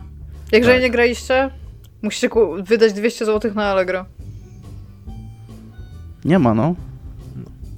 E, natomiast tak, natomiast jest trochę szerszy temat też z dystrybucją, ponieważ e, em, pan z Ubisoftu, którego nazwisko już tutaj znajduję, e, Felipe Trembly, em, który jest w ogóle dyrektorem od spraw subskrypcji w Ubisoftie, stwierdził, że jakby nie ma innej, nie ma innej drogi niż model subskrypcyjny, przyszłość gier wideo i że gracze muszą się przyzwyczaić do tego, że nie posiadają gry. I przede wszystkim gracze się do tego przyzwyczajają od 10 lat i jakby tam pan, pan Felipe Trembly nie jest jakiś, jakimś tutaj wieszczem ani nic takiego. Nie jest to coś, co, co my robimy z wyboru, zostało nam to narzucone, to się dzieje, jest rzeczywiście życiowo wygodniejsze, bywa to problematyczne i tak dalej, co nie? E, natomiast najciekawsza jest odpowiedź na, na to, co powiedział właśnie pan Felipe, ponieważ e, Sven Winke, czyli nowy święty Mikołaj, jeżeli chodzi o y, świat gry, gier wideo, którego wszystkie dzieciaki kochają i co tylko napisze, to jest od razu złoto i jest po, podawane i tak dalej, czyli że szef e, studia Larian Studios, tego, które zrobiło Baldur's Gate 3, odpisał w tym wątku, y, że mm, nie jest fanem tego, to jest jakby modelu subskrypcyjnego. Sven Winke jest bardzo miłym człowiekiem i tam kilka razy w tym wątku zastrzega, że on nie jest wrogiem jakby firm, które prowadzą ten biznes subskrypcyjny, że rozumie, że gry są udostępniane w tym systemie subskrypcyjnym, rozumie deweloperów i, i wydawców, którzy wchodzą w ten system subskrypcyjny, bo mają z tego jakiś ten i tak dalej. Natomiast on nie chce, żeby kiedykolwiek gry studia Larian Studios były dostępne w systemie, w jakiejśkolwiek subskrypcji, ponieważ jego zdaniem to jest niebezpieczna przyszłość e, dla gier wideo. Jeżeli, jeżeli by system subskrypcyjny jakby ten cały miał tylko, miał zmonopolizować, co nie, e, e, właśnie przyszłość sprzedaży i dostępu do gier wideo, ponieważ jak, ponieważ jakby już teraz jest to trudny biznes, jeżeli chodzi o sprzedawanie gier, zdominowany przez kilka bytów, które kontrolują bardzo dużą część rynku, czyli Microsoft, Sony, e, Nintendo, Steama i to najprawdopodobniej z 90% jakby ogólnej sprzedaży gier, co nie wideo, to, to są te cztery firmy, co nie? Tam pewnie jeszcze jakieś, jakieś gogi, jakieś, jakieś coś tam, no ale to już, to już są jakieś tam, jakieś drobnice, co nie? Więc już teraz ten, ten rynek jest bardzo trudny i discoverability, czyli jakaś odkrywalność twojej gry, taka odszukiwalność twojej gry e, pośród innych gier jest strasznie trudna, bo wychodzi w ogóle kilkadziesiąt, pewnie tysięcy gier rocznie. Albo kilka, albo kilkanaście. No, duże liczby, co nie? Jakby astronomiczne liczby. Nie, nie wiecie, ile to jest w ogóle, co nie? To jest nie do policzenia. może więcej niż 8. Co nie? Więcej niż 8, tak. Co nie? E, I jeżeli byśmy przeszli w całości na system subskrypcyjny, na, na model subskrypcyjny, to to by było jeszcze trudniejsze i jeszcze bardziej byśmy byli my jako branża uzależnieni od kaprysów i monopolii. To się po Kilku angielsku firm. nazywa gatekeeping. Tak, Mamy gate- na to tak. jakiś termin polski. No chodzi ogólnie o to, że Odźwierność. jeżeli są, Bramo, bramo trzymania, o odźwierność. jeżeli są takie firmy, które y, mają już filtr na rzeczy, które się im wysyła do ich modelu subskrypcyjnego, to znaczy, że oni decydują o tym, w jakie gry my będziemy grać. O to mniej więcej o to Tak, chodzi tutaj. no. tak. E, I tutaj wiele osób mu jakby przyklasnęło w tym wątku. Co ciekawe, tutaj ym, ciekawa jest odpowiedź Samuela Dietza, mm, reżysera Castlevanii dla Netflixa, co jest w ogóle ciekawe, że on tę odpowiedź e, udziela, bo zrobił serial dla Netflixa, co nie? Ale on pisze, że branża growa musi zrozumieć, jak działa streaming, jak, jak działa jakby ta, ta usługa, jaką jest streaming i że to jest bardzo niekorzystny dla twórców model biznesowy. I mi się wydaje, bo on to oczywiście nie wchodzi w szczegóły, Eee, I mówi, że właśnie, że to jest w ogóle jeszcze błogosławieństwo dla gier, że cały czas można je kupywać bezpośrednio czasami, co nie, a nie tylko właśnie subskrybować w jakiś, jakiś...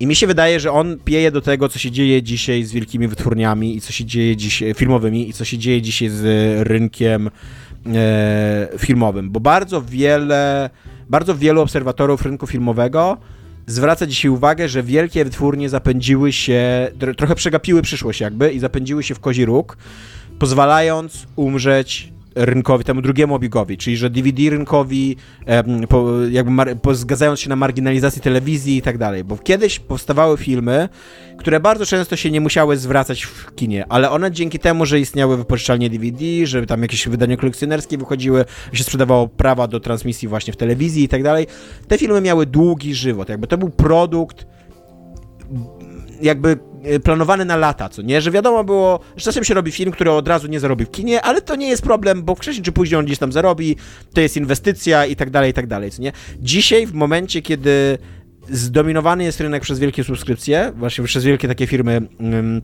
streamingowe w stylu Netflix, tam HBO, nie wiem co tam jest jeszcze takiego wielkiego, no Disney i, i Amazon. Amazon, tak, tak, to, to właśnie cały ten rynek DVD leży i kwiczy, nie ma z niego zysku, co nie? Więc wielkie wytwórnie teraz stoją przed takim wyborem. Albo robimy bardzo tanie filmy, indie zazwyczaj, które no nie przynoszą wielkich zysków, więc wielkie wytwórnie raczej nie są tym zainteresowane, co nie? Albo robimy gigantyczne produkcje, w którym bombujemy gigantyczny marketing po to, żeby mieć szansę, żeby one się zwróciły film e, w kinach, nie? E, w bardzo krótkim okresie, jakby w tym bardzo krótkim oknie, kiedy filmy, wielkie produkcje, tak w stylu tam Marveli, Transformersów, e, Mission Impossible i tak dalej, bo one się zaczynają przez tam dwa miesiące góra, co nie? Czasem 3-4 miesiące, jak to jest na, jakiś awatar, który był tam reklamowany przez 7 lat pewnie, co nie? Non-stop. I to jest, i jeżeli ten film, jeżeli ten film się nie zwróci w tym czasie, a właśnie, żeby on się zwrócił, to trzeba pompować budżety i trzeba jakby cały czas reklamować, że to jest jeszcze większy film, jeszcze głośniejszy, jeszcze ważniejszy, jeszcze, jeszcze jedno wielki, kurde, crossover tego Marvela, teraz to już naprawdę nie możesz tego przegapić i tak dalej, co nie?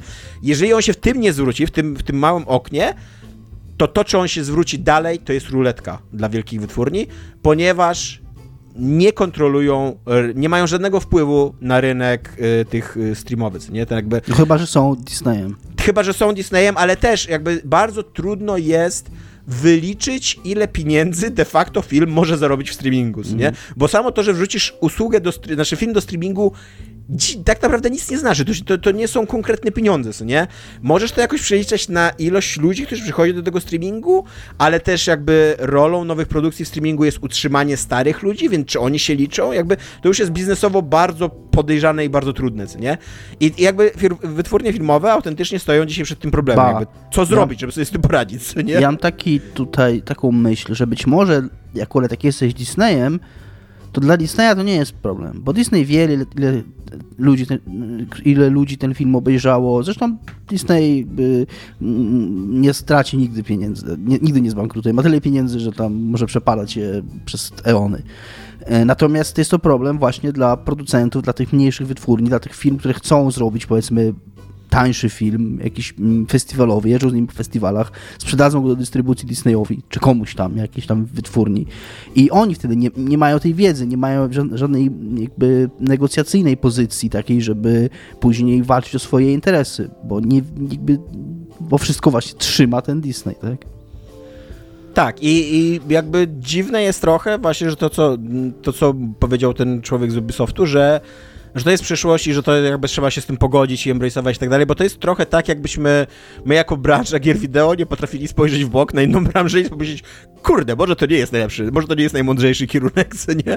Gdzie rozumiem, że, że te wszystkie usługi subskrypcyjne są bonusem. Dominik tutaj jest, e, znaczy są sensowne, Dominik tu jest przykładem, bo jest wielkim fanem Game Passa. I są ja często też, Game Passa, są natomiast... często też korzystne dla jakby odbiorcy, co nie? Natomiast one, w momencie, kiedy pomagają... pomagają no. temu discoverability i pozwalają właśnie odkryć jakieś mniejsze gry. Natomiast to wszystko działa w momencie, kiedy one są dodatkiem do. Tak. To, to tylko wtedy ma sens. Tak, właśnie dlatego dzisiaj, dzisiaj wręcz jakby Game Pass, tak jak mówisz, pomaga odkrywać gry, ale to właśnie dlatego, że jeszcze nie zdominował rynku, jeszcze nie decyduje w co grasz, co nie? Mhm. Jeszcze, jeszcze musi się chwalić, że ej, mamy jeszcze taką produkcję, jeszcze taką produkcję, jeszcze tam weź, wejdź do nas, co nie? I tak dalej. Ale jak już zostaniemy zdominowani przez 5 czy 6 takich usług, przez jakieś tam Sony stworzy swoją, znaczy już ma swoją, no, e, przez, przez Sony, przez Microsoft, przez jakiś właśnie Ubisoft jeszcze albo coś takiego, no to nagle już nie będzie Ubisoft tak, że... też ma swoją. Słucham? Ubisoft, Ubisoft też ma tak, swoją. Tak, tak, mówię, że... że, że... EA chyba też miał swoją. EA ma swoją, tak, tak. tak. No i, i, jeżeli, jeżeli one zdominują rynek, no to one, to już, to już nie będzie discoverability, to już będzie ich dyktat, co nie? Po prostu, to już im nie będzie zależało na tym, żeby się chwalić, że ej, mamy jeszcze taką perełkę, tylko będą, będzie im zależało tylko i wyłącznie na tym, żeby się chwalić produkcjami, które zarabiają kasę, najbezpieczniejszymi i to często właśnie też prowadzi do tego, że się sprowadza te produkcje do takiego największego głównego mianownika, co nie? Że po prostu jak najwięcej ludzi będzie grało tam, nie wiem, w jakieś klony Fortnite'ów, Minecrafty i tak dalej, to te wszystkie subskrypcje będą to, prowadzi, to, to, to, to, to promowały, co nie? Co też widać właśnie na Netflixie, że wysokobudżetowe filmy Netflixa są zazwyczaj bardzo bezpiecznymi, mało ambitnymi, mało pomysłowymi produkcjami, co nie? Tak. Więc Chyba, że mówimy o filmie takim jak Kora i Koniec Świata. Karol i Koniec o, Świata, tak. Tak, Ko Kora miała syna. Chyba Kora. To była Kora? To jaka Kora? O co tak. chodzi? O co chodzi? Co się dzieje? No bo ten film, ten film muzyczny, o którym ja mówiłem, nie był Kora. Nie była Kora. Eee... Kora to taka piosenkarka polska, która już nie Tak. Żyje. Tak. To jest takie coś, co jest na drzewie. Jak tak. się nazywa? Ten, ten taki film muzyczny, o którym mówiłem. Ten, którego nie polecałeś. Nie mam tak. pojęcia, zapominam o rzeczach, których Sing nie polecasz. Nie, nie, Sing Street polecamy, come on. Sing Street była jakaś kora? Ten, co była, była babka i miała syna i kupiła mu tak. gitarę, ale on nie chciał na niej grać, więc ona zaczęła tak. na nim grać i się uczyła tak. z jakimś tak. typem przez laptopa grać tak. na tej tak. gitarze. Tak, Flora i syn. O, tak Super, tak że o tym To bardzo blisko Karol i koniec świata.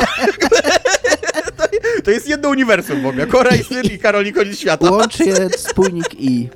Tego crossoveru się nie spodziewacie jakby, co nie? Ale to tylko, tylko Netflix ma teraz taką kasę i taką pozycję rynkową, że może to co nie?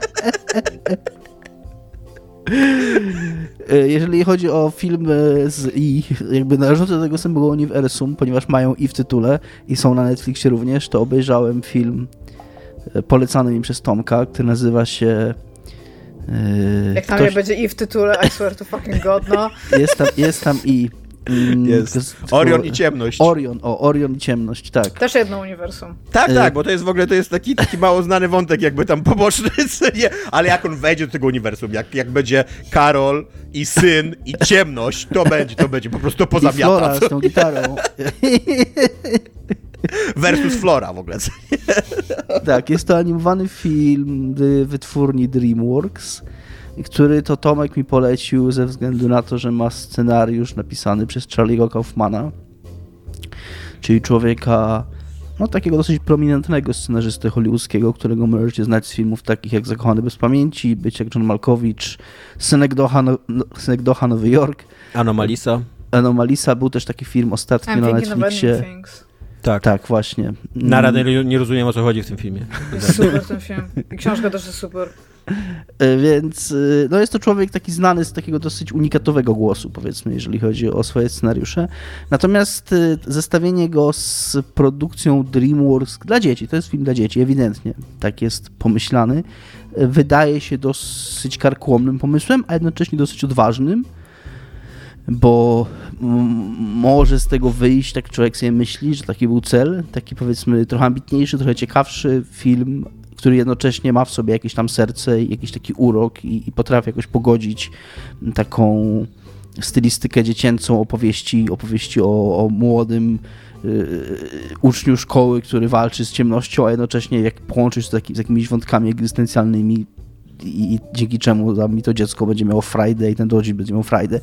I ja z tym filmem trochę drogę przyszedłem. On mi się na początku, znaczy on ma świetne pierwsze 15 minut. Mogę w tej chwili powiedzieć, zajebiście polecam pierwsze 15 minut filmu Orion i, Orion i Ciemność. Bo y, jest to taki, taka etiudka praktycznie dosyć taka nawet zamknięta, można ją myślę obejrzeć bez oglądania reszty filmu, o życiu takiego właśnie trochę neurotycznego, ucznia szkoły podstawowej, który tam ma, nie wiem, z 8 lat, może chyba mniej, z 6 tak pewnie, bo tam jeszcze się boi ciemności i tak dalej, ale chodzi już do szkoły. Ja, jak wiemy, wszyscy ludzie po prostu w pewnym momencie przestajemy się bać ciemności. Tak no nie wiem, no jest, taki, jest takim małym ludzikiem no, w animowanym, więc trudno powiedzieć ile ma lat, no ale takim małym dzieckiem. I jest to, początek jest bardzo zabawny, bardzo czuć te właśnie wszystkie neurozy Kaufmana, a jednocześnie one są na tyle śmiesznie przełożone na mm, ten język życia w szkole, i, i takie różne szkolne perypetie, że, że to wszystko trafia. Jest fenomenalna scena, jak on tam y, mówi o tych swoich neurozach i i tam jest taka, jakaś taka animacja, jakieś takie, wiecie, wizje jego, co mu się w głowie dzieje i tam siedzi z książką, na której jest to tam nihilizm dla dzieci, nie? coś takiego. I tam, i tam czyta, czytają, nie? I tam jest dużo takich śmiesznych, tych śmiesznych wtrątów i to jest bardzo fajne. Po czym e, po tych 15 minutach okazuje się, że on no, boi się ciemności boi się iść spać. I musi mu tam mama zostawiać uchylone drzwi, żeby, żeby światło wpadało do pokoju, no i w pewnym momencie on się tak już strasznie boi i tak strasznie Mm, trzęsie tyłkiem przed tą ciemnością, że ta ciemność spersonifikowana się przed nim pojawia jako taki ludzik.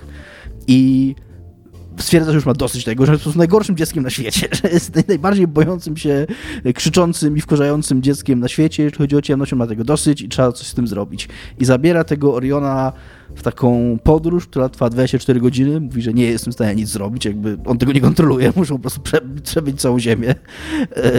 Yy, za 24 godziny wróci do, do miejsca, w którym, w którym zaczęli, żeby go z tego strachu przed ciemnością jakoś wyrwać. I w tym momencie ten film się zmienia w taką dosyć sztampową, dosyć taką yy, nie sobie nudną, ale, ale koniec końców nudną historyjkę o przezwyciężaniu własnych trudności, której morałem jest, y, jest najbardziej taki wyświechtany i, i, i ograny motyw, jeżeli chodzi o walczenie ze strachem, czyli... Jedyne, czego musisz się bać, to sam strach. tak, nie.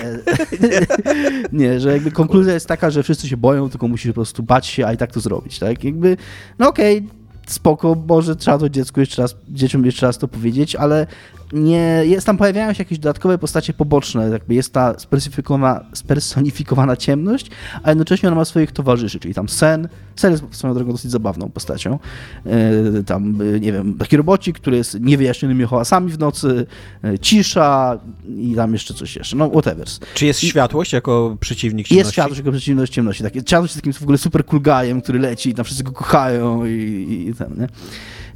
I ogólnie ten taki właśnie ten moment, kiedy on wyrusza na tą przygodę z tą ciemnością, żeby pokonać te swoje strachy, on jest y, te, chyba najnudniejszym momentem tego filmu. Po czym nagle ten film robi jeszcze jedną w ogóle woltę, jeszcze jednego fikołka, bo, w, bo się okazuje, że to się dosyć szybko okazuje, że to wszystko jest takim, e, w takiej opakowane w taki, taką sztuczkę narracyjną, która polega na tym, że to ojciec, że to ten Orion już jako dorosły człowiek opowiada tą historię swojej córce, żeby jej pomóc uporać się z jej strachem przed ciemnością, więc on tak naprawdę wymyśla tą historię. Więc on jakby dowiadujemy się, że... Czyli jest wszystko... Flora i syn i Orion i córka, tak? Tak, tak.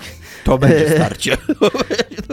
I w, I w, tym momencie on zaczyna tę historię zmieniać na bieżąco. On zaczyna, jakby dowiadujemy się, że wszystko to, co my oglądamy, to jest tak naprawdę historyjka, którą on opowiada i on ją może dowolnie zmieniać. I on ją zaczyna zmieniać. Co też na początku brzmi fajnie i tak jest takim fajnym twistem, ale bardzo szybko okazuje się, że trochę przez to zupełnie, tak ten film się rozpada trochę przez to, bo nagle okazuje się, że, że w nim nie ma zupełnie żadnej stawki, że w nim nie ma.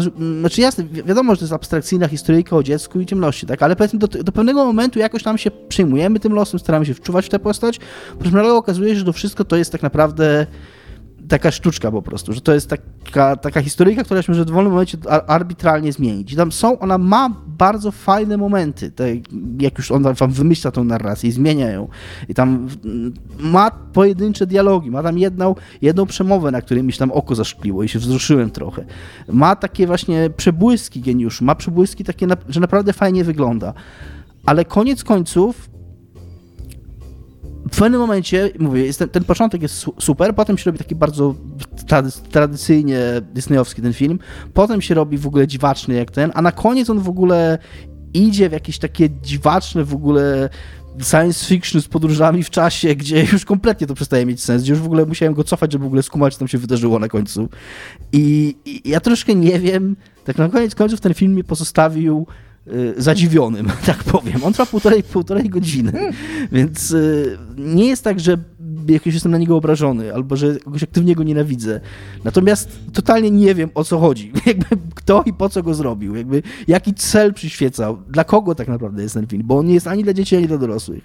Dziecko się tym filmem, jestem przekonany, znaczy nie wiem, nie mam dzieci, nie mam pojęcia, ale mam wrażenie, że dziecko by się tym filmem albo znudziło, albo by go nie zrozumiało, albo no nie, nie trafiłby, nie trafiłby dziecka, do, do dziecka. Do, dla dorosłego z drugiej strony jest za dużo takich mielizn właśnie, takiego, takiego, takiego disneyowskiego pierdolenia, z przeproszeniem. gdzie, gdzie tego jakby ja, ja, chciałbym zobaczyć, bo Charlie Kaufman nie jest producentem tego filmu, on jest często producentem filmów, który, do których pisze scenariusz, nie, nie był producentem, więc on po prostu miał robotę, dostał zlecenie, żeby napisać ten scenariusz nie chcę tutaj zgadywać i wchodzić w proces twórczy, ale wydaje mi się, że było tu dużo spięć takich pomiędzy tym, co Charlie Kaufman jako Charlie Kaufman chciał zrobić w tym filmie, a co DreamWorks chciało, żeby ten film miał jako jakby no, historyjka dla dzieci, która swoją drogą jest adaptacją mm, książki dla dzieci. I no mówię, nie polecam koniec końców, niestety. Mimo, że ten, te pierwsze 15 minut byłem totalnie zachwycony. Byłem taki fuck w ogóle zajebiste to jest, naprawdę. A, a później takim im dalej w ten film, to, to bardziej byłem rozczarowany i tak koniec końców, no mówię, nie, nie, nie, nie polecam. Jeszcze powiem tylko szybko, że on ma też trochę problem z tym, jak wygląda, bo trochę jakby twórcy nie do końca mieli chyba to jest swoją drogą trochę odbicie tego, co ten film robi w kwestii scenariusza, bo on tak samo w stronie wizualnej trochę nie wie, czym chce być. Bo on momentami wygląda jak taka klasyczna animacja komputerowa, komputerowa, momentami wygląda jak animacja poklatkowa, jest tak stylizowane, że ludziki tak właśnie się ruszają trochę tak klatkowo i mają trochę wyglądać jak stop jak motion. Jak w Death Stranding. Tak, tak, dokładnie. A momentami ma takie fragmenty tła, które wyglądają jak rysowane ręcznie. Tak jakby stara się łączyć takie właśnie elementy grafiki komputerowej z y, rysunkami odręcznymi, 2D takimi. I ja nie mówię, że samo w sobie jest to czymś złym, bo są filmy, które łączą te style i robią to super. Wiem, że Tomek jest wielkim wyznawcą, nie wiem, Spidermana tego Across the Spider-Verse, który robi tak. podobne rzeczy i jakby jest mega ceniony za to. Więc samo w sobie nie ma, ale w tym filmie nie masz wrażenia, że, że jest, jest za tym jakaś myśl. To jest takie trochę rzucanie rzeczami o ścianę, patrzenie, która się przyklei. I to samo jest właśnie w scenariuszu, to samo jest w stronie wizualnej. On ma swoje momenty, ma bardzo, ma kilka śmiesznych żartów, takich naprawdę śmiesznych błyskotliwych, ale ma też bardzo dużo mielizn i koniec końców jest strasznie niespójny. I w tym, co chce powiedzieć, i w tym, jak to mówi. I to jest takie, no, takie no, MS, za przeproszeniem. No. Jest to ciekawe w pewnym sensie i trwa półtorej godziny, więc jak nie macie nic lepszego do roboty, to spoko. Oraz gram w, właśnie a propos Game Passa, gram w Persona 3. Zacząłem... I już jesteś po tutorialu. Jestem po tutorialu, zacząłem grać w piątek, bo miałem wolne w piątek. Gra w... Nie miałem wolnego z powodu tej gry, miałem z innych powodów wolne, ale siedziałem w domu, odpaliłem Personę 3 i od piątku do niedzieli przecież grałem w tę grę 40 godzin już, więc jestem już po tutorialu i znaczy, na początku byłem nią zachwycony i ciągle ona mi się super podoba, chociaż już po tych 40 godzinach granych ciurkiem już trochę efekt miesiąca miodowego ze mnie zszedł. Mm, ale zanim o tym, to bardzo krótko. Jest to remake. To, co mnie trochę zdziwiło, znaczy zdziwiło mnie to o tyle, że powinienem było o tym wiedzieć, bo to nie była żadna tajemnica i to było od początku wiadomo, że, taka, że ta gra tym będzie, natomiast ja nie do końca miałem świadomość, że to będzie taki naprawdę całkowity remake.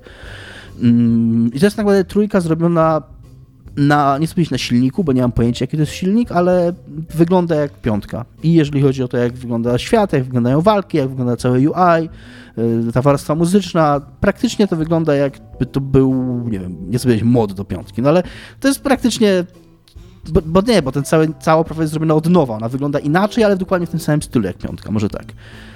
Więc to jest super takie chwytające, piątka miała taką bardzo, bardzo uderzającą, bardzo charakterystyczną oprawę graficzno-dźwiękową i to, tutaj jest to samo i to bardzo chwyta za ryj od razu człowieka. Yy, jest to podobnie jak piątka, podobnie jak czwórka, podobnie jak wszystkie persony, historia o licealistach, którzy odkrywają w sobie moc przywoływania tychże person, które też są, to są takie Pokémony trochę, bo one są Poprzez strzelenie sobie w łeb. To jest ciekawe, w, y, trój, to Bardzo jest, ciekawe, nie próbujcie że w tego w domu. trójce- No. że w trójce jest taka animacja tak, że oni sobie wyjm- wyjmują broń i strzelają w głowę i w ten sposób przywołują, przywołują te persony. Mm, I to, to, co odróżnia trochę od piątki tę grę, to to, że bardzo szybko... Że ma trójkę z tyłu. Tak, że bardzo szybko mm, wchodzimy w ten, w, ten, w, ten, w ten świat, że tak powiem. Piątka strasznie dużo czasu zajmowała, zanim zajmowało piątcy, zanim już się biegało po tym dungeonie i walczyło z tymi potworkami. Tutaj dzieje się to bardzo szybko, co jest swoją drogą dosyć e, kuriozalne, bo tu tak jak w, w czwórce ludzie wchodzili do telewizji, ci, ci bohaterowie do telewizora, w piątce wchodzili jakby do umysłów innych ludzi, do pałaców umysłów innych ludzi, tak w trójce wchodzą do czegoś, co się nazywa godzina mroku. To jest ukryta godzina w ciągu doby, która e, ma miejsce po 24.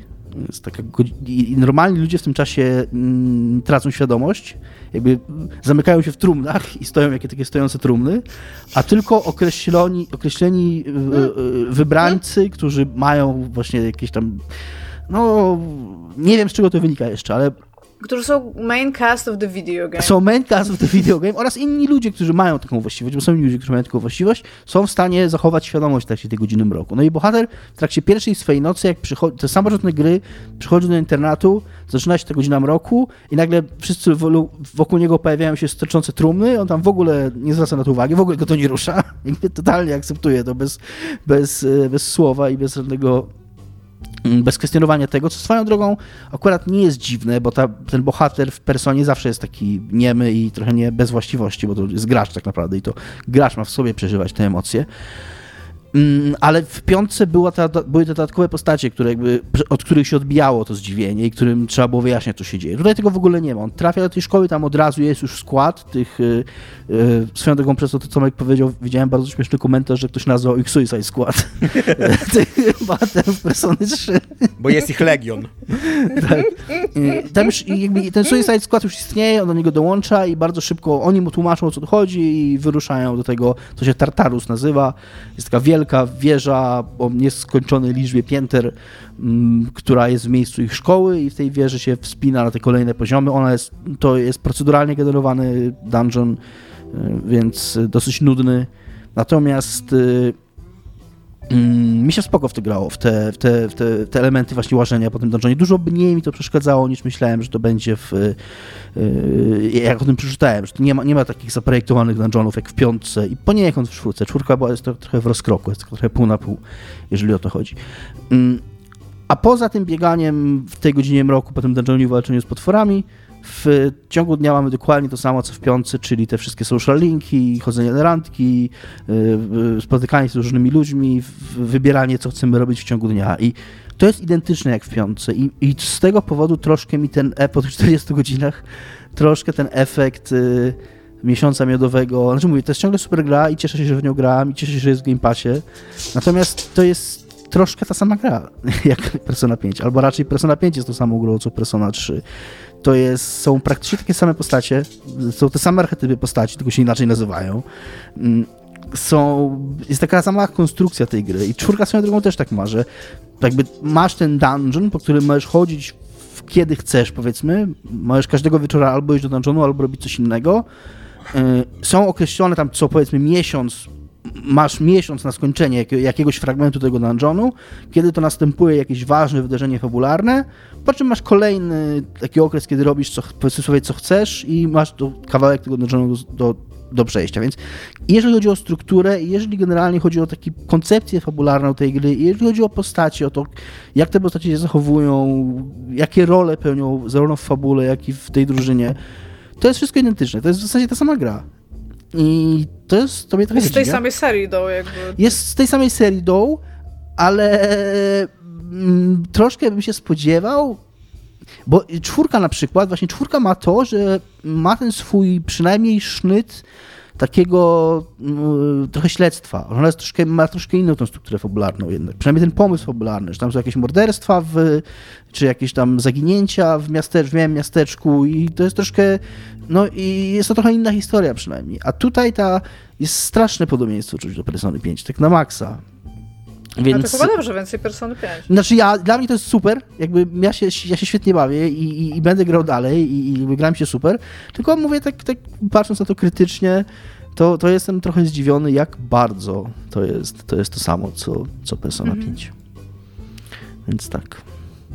I to chyba tyle, co? Ja bym chciał tylko y, na koniec y, wrócić do tematu Spec Opsów, bo trochę sobie pogooglałem w tle tutaj i E, no nie jest tak łatwo kupić Spec Opsy, muszę się trochę wycofać. Nie ma ich już w tym sklepie Microsoftowym, nie ma ich już na Gogu.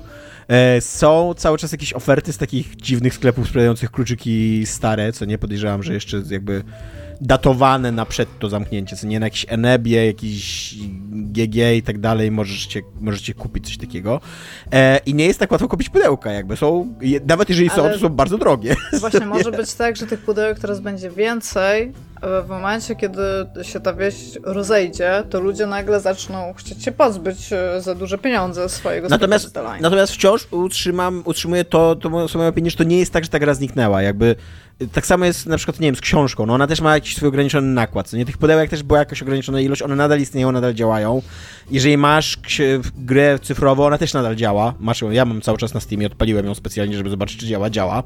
E, więc to nie jest tak, że ona została wymazana jakby, co nie? No bo wydaje mi się, że to jest jakimś takim największym ryzykiem cyfrowej dystrybucji, że, może, możecie po prostu odebrać e, tą grę no tak naprawdę jednym kliknięciem, a nie, że można przestać ją sprzedawać. No przestać można sprzedawać produkt zawsze. I to nie, nie tylko gry wideo cyfrowe, nie?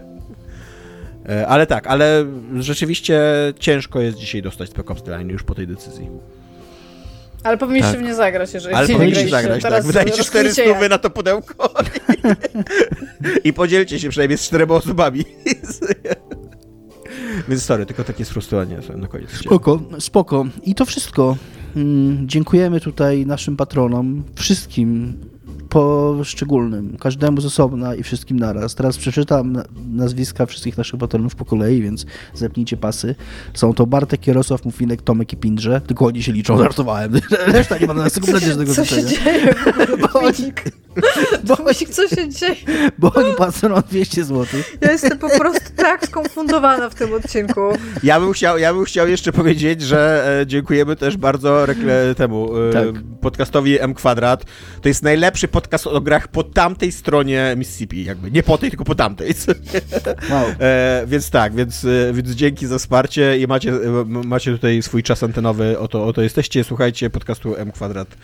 E, bo jest, bo płaci i jest. Tak, a jeżeli byście chcieli, żebyśmy tak, powiedzieli, żebyśmy tak powiedzieli o waszym podcaście, to 200 zł powiemy wszystko, co chcecie. Tak naprawdę to jest...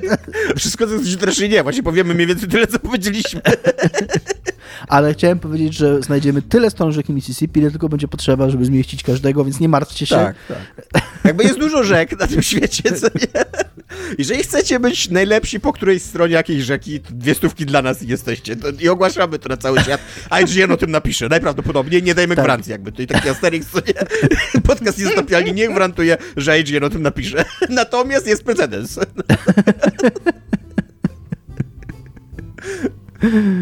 Dzięki. Cześć. Dzięki. Cześć.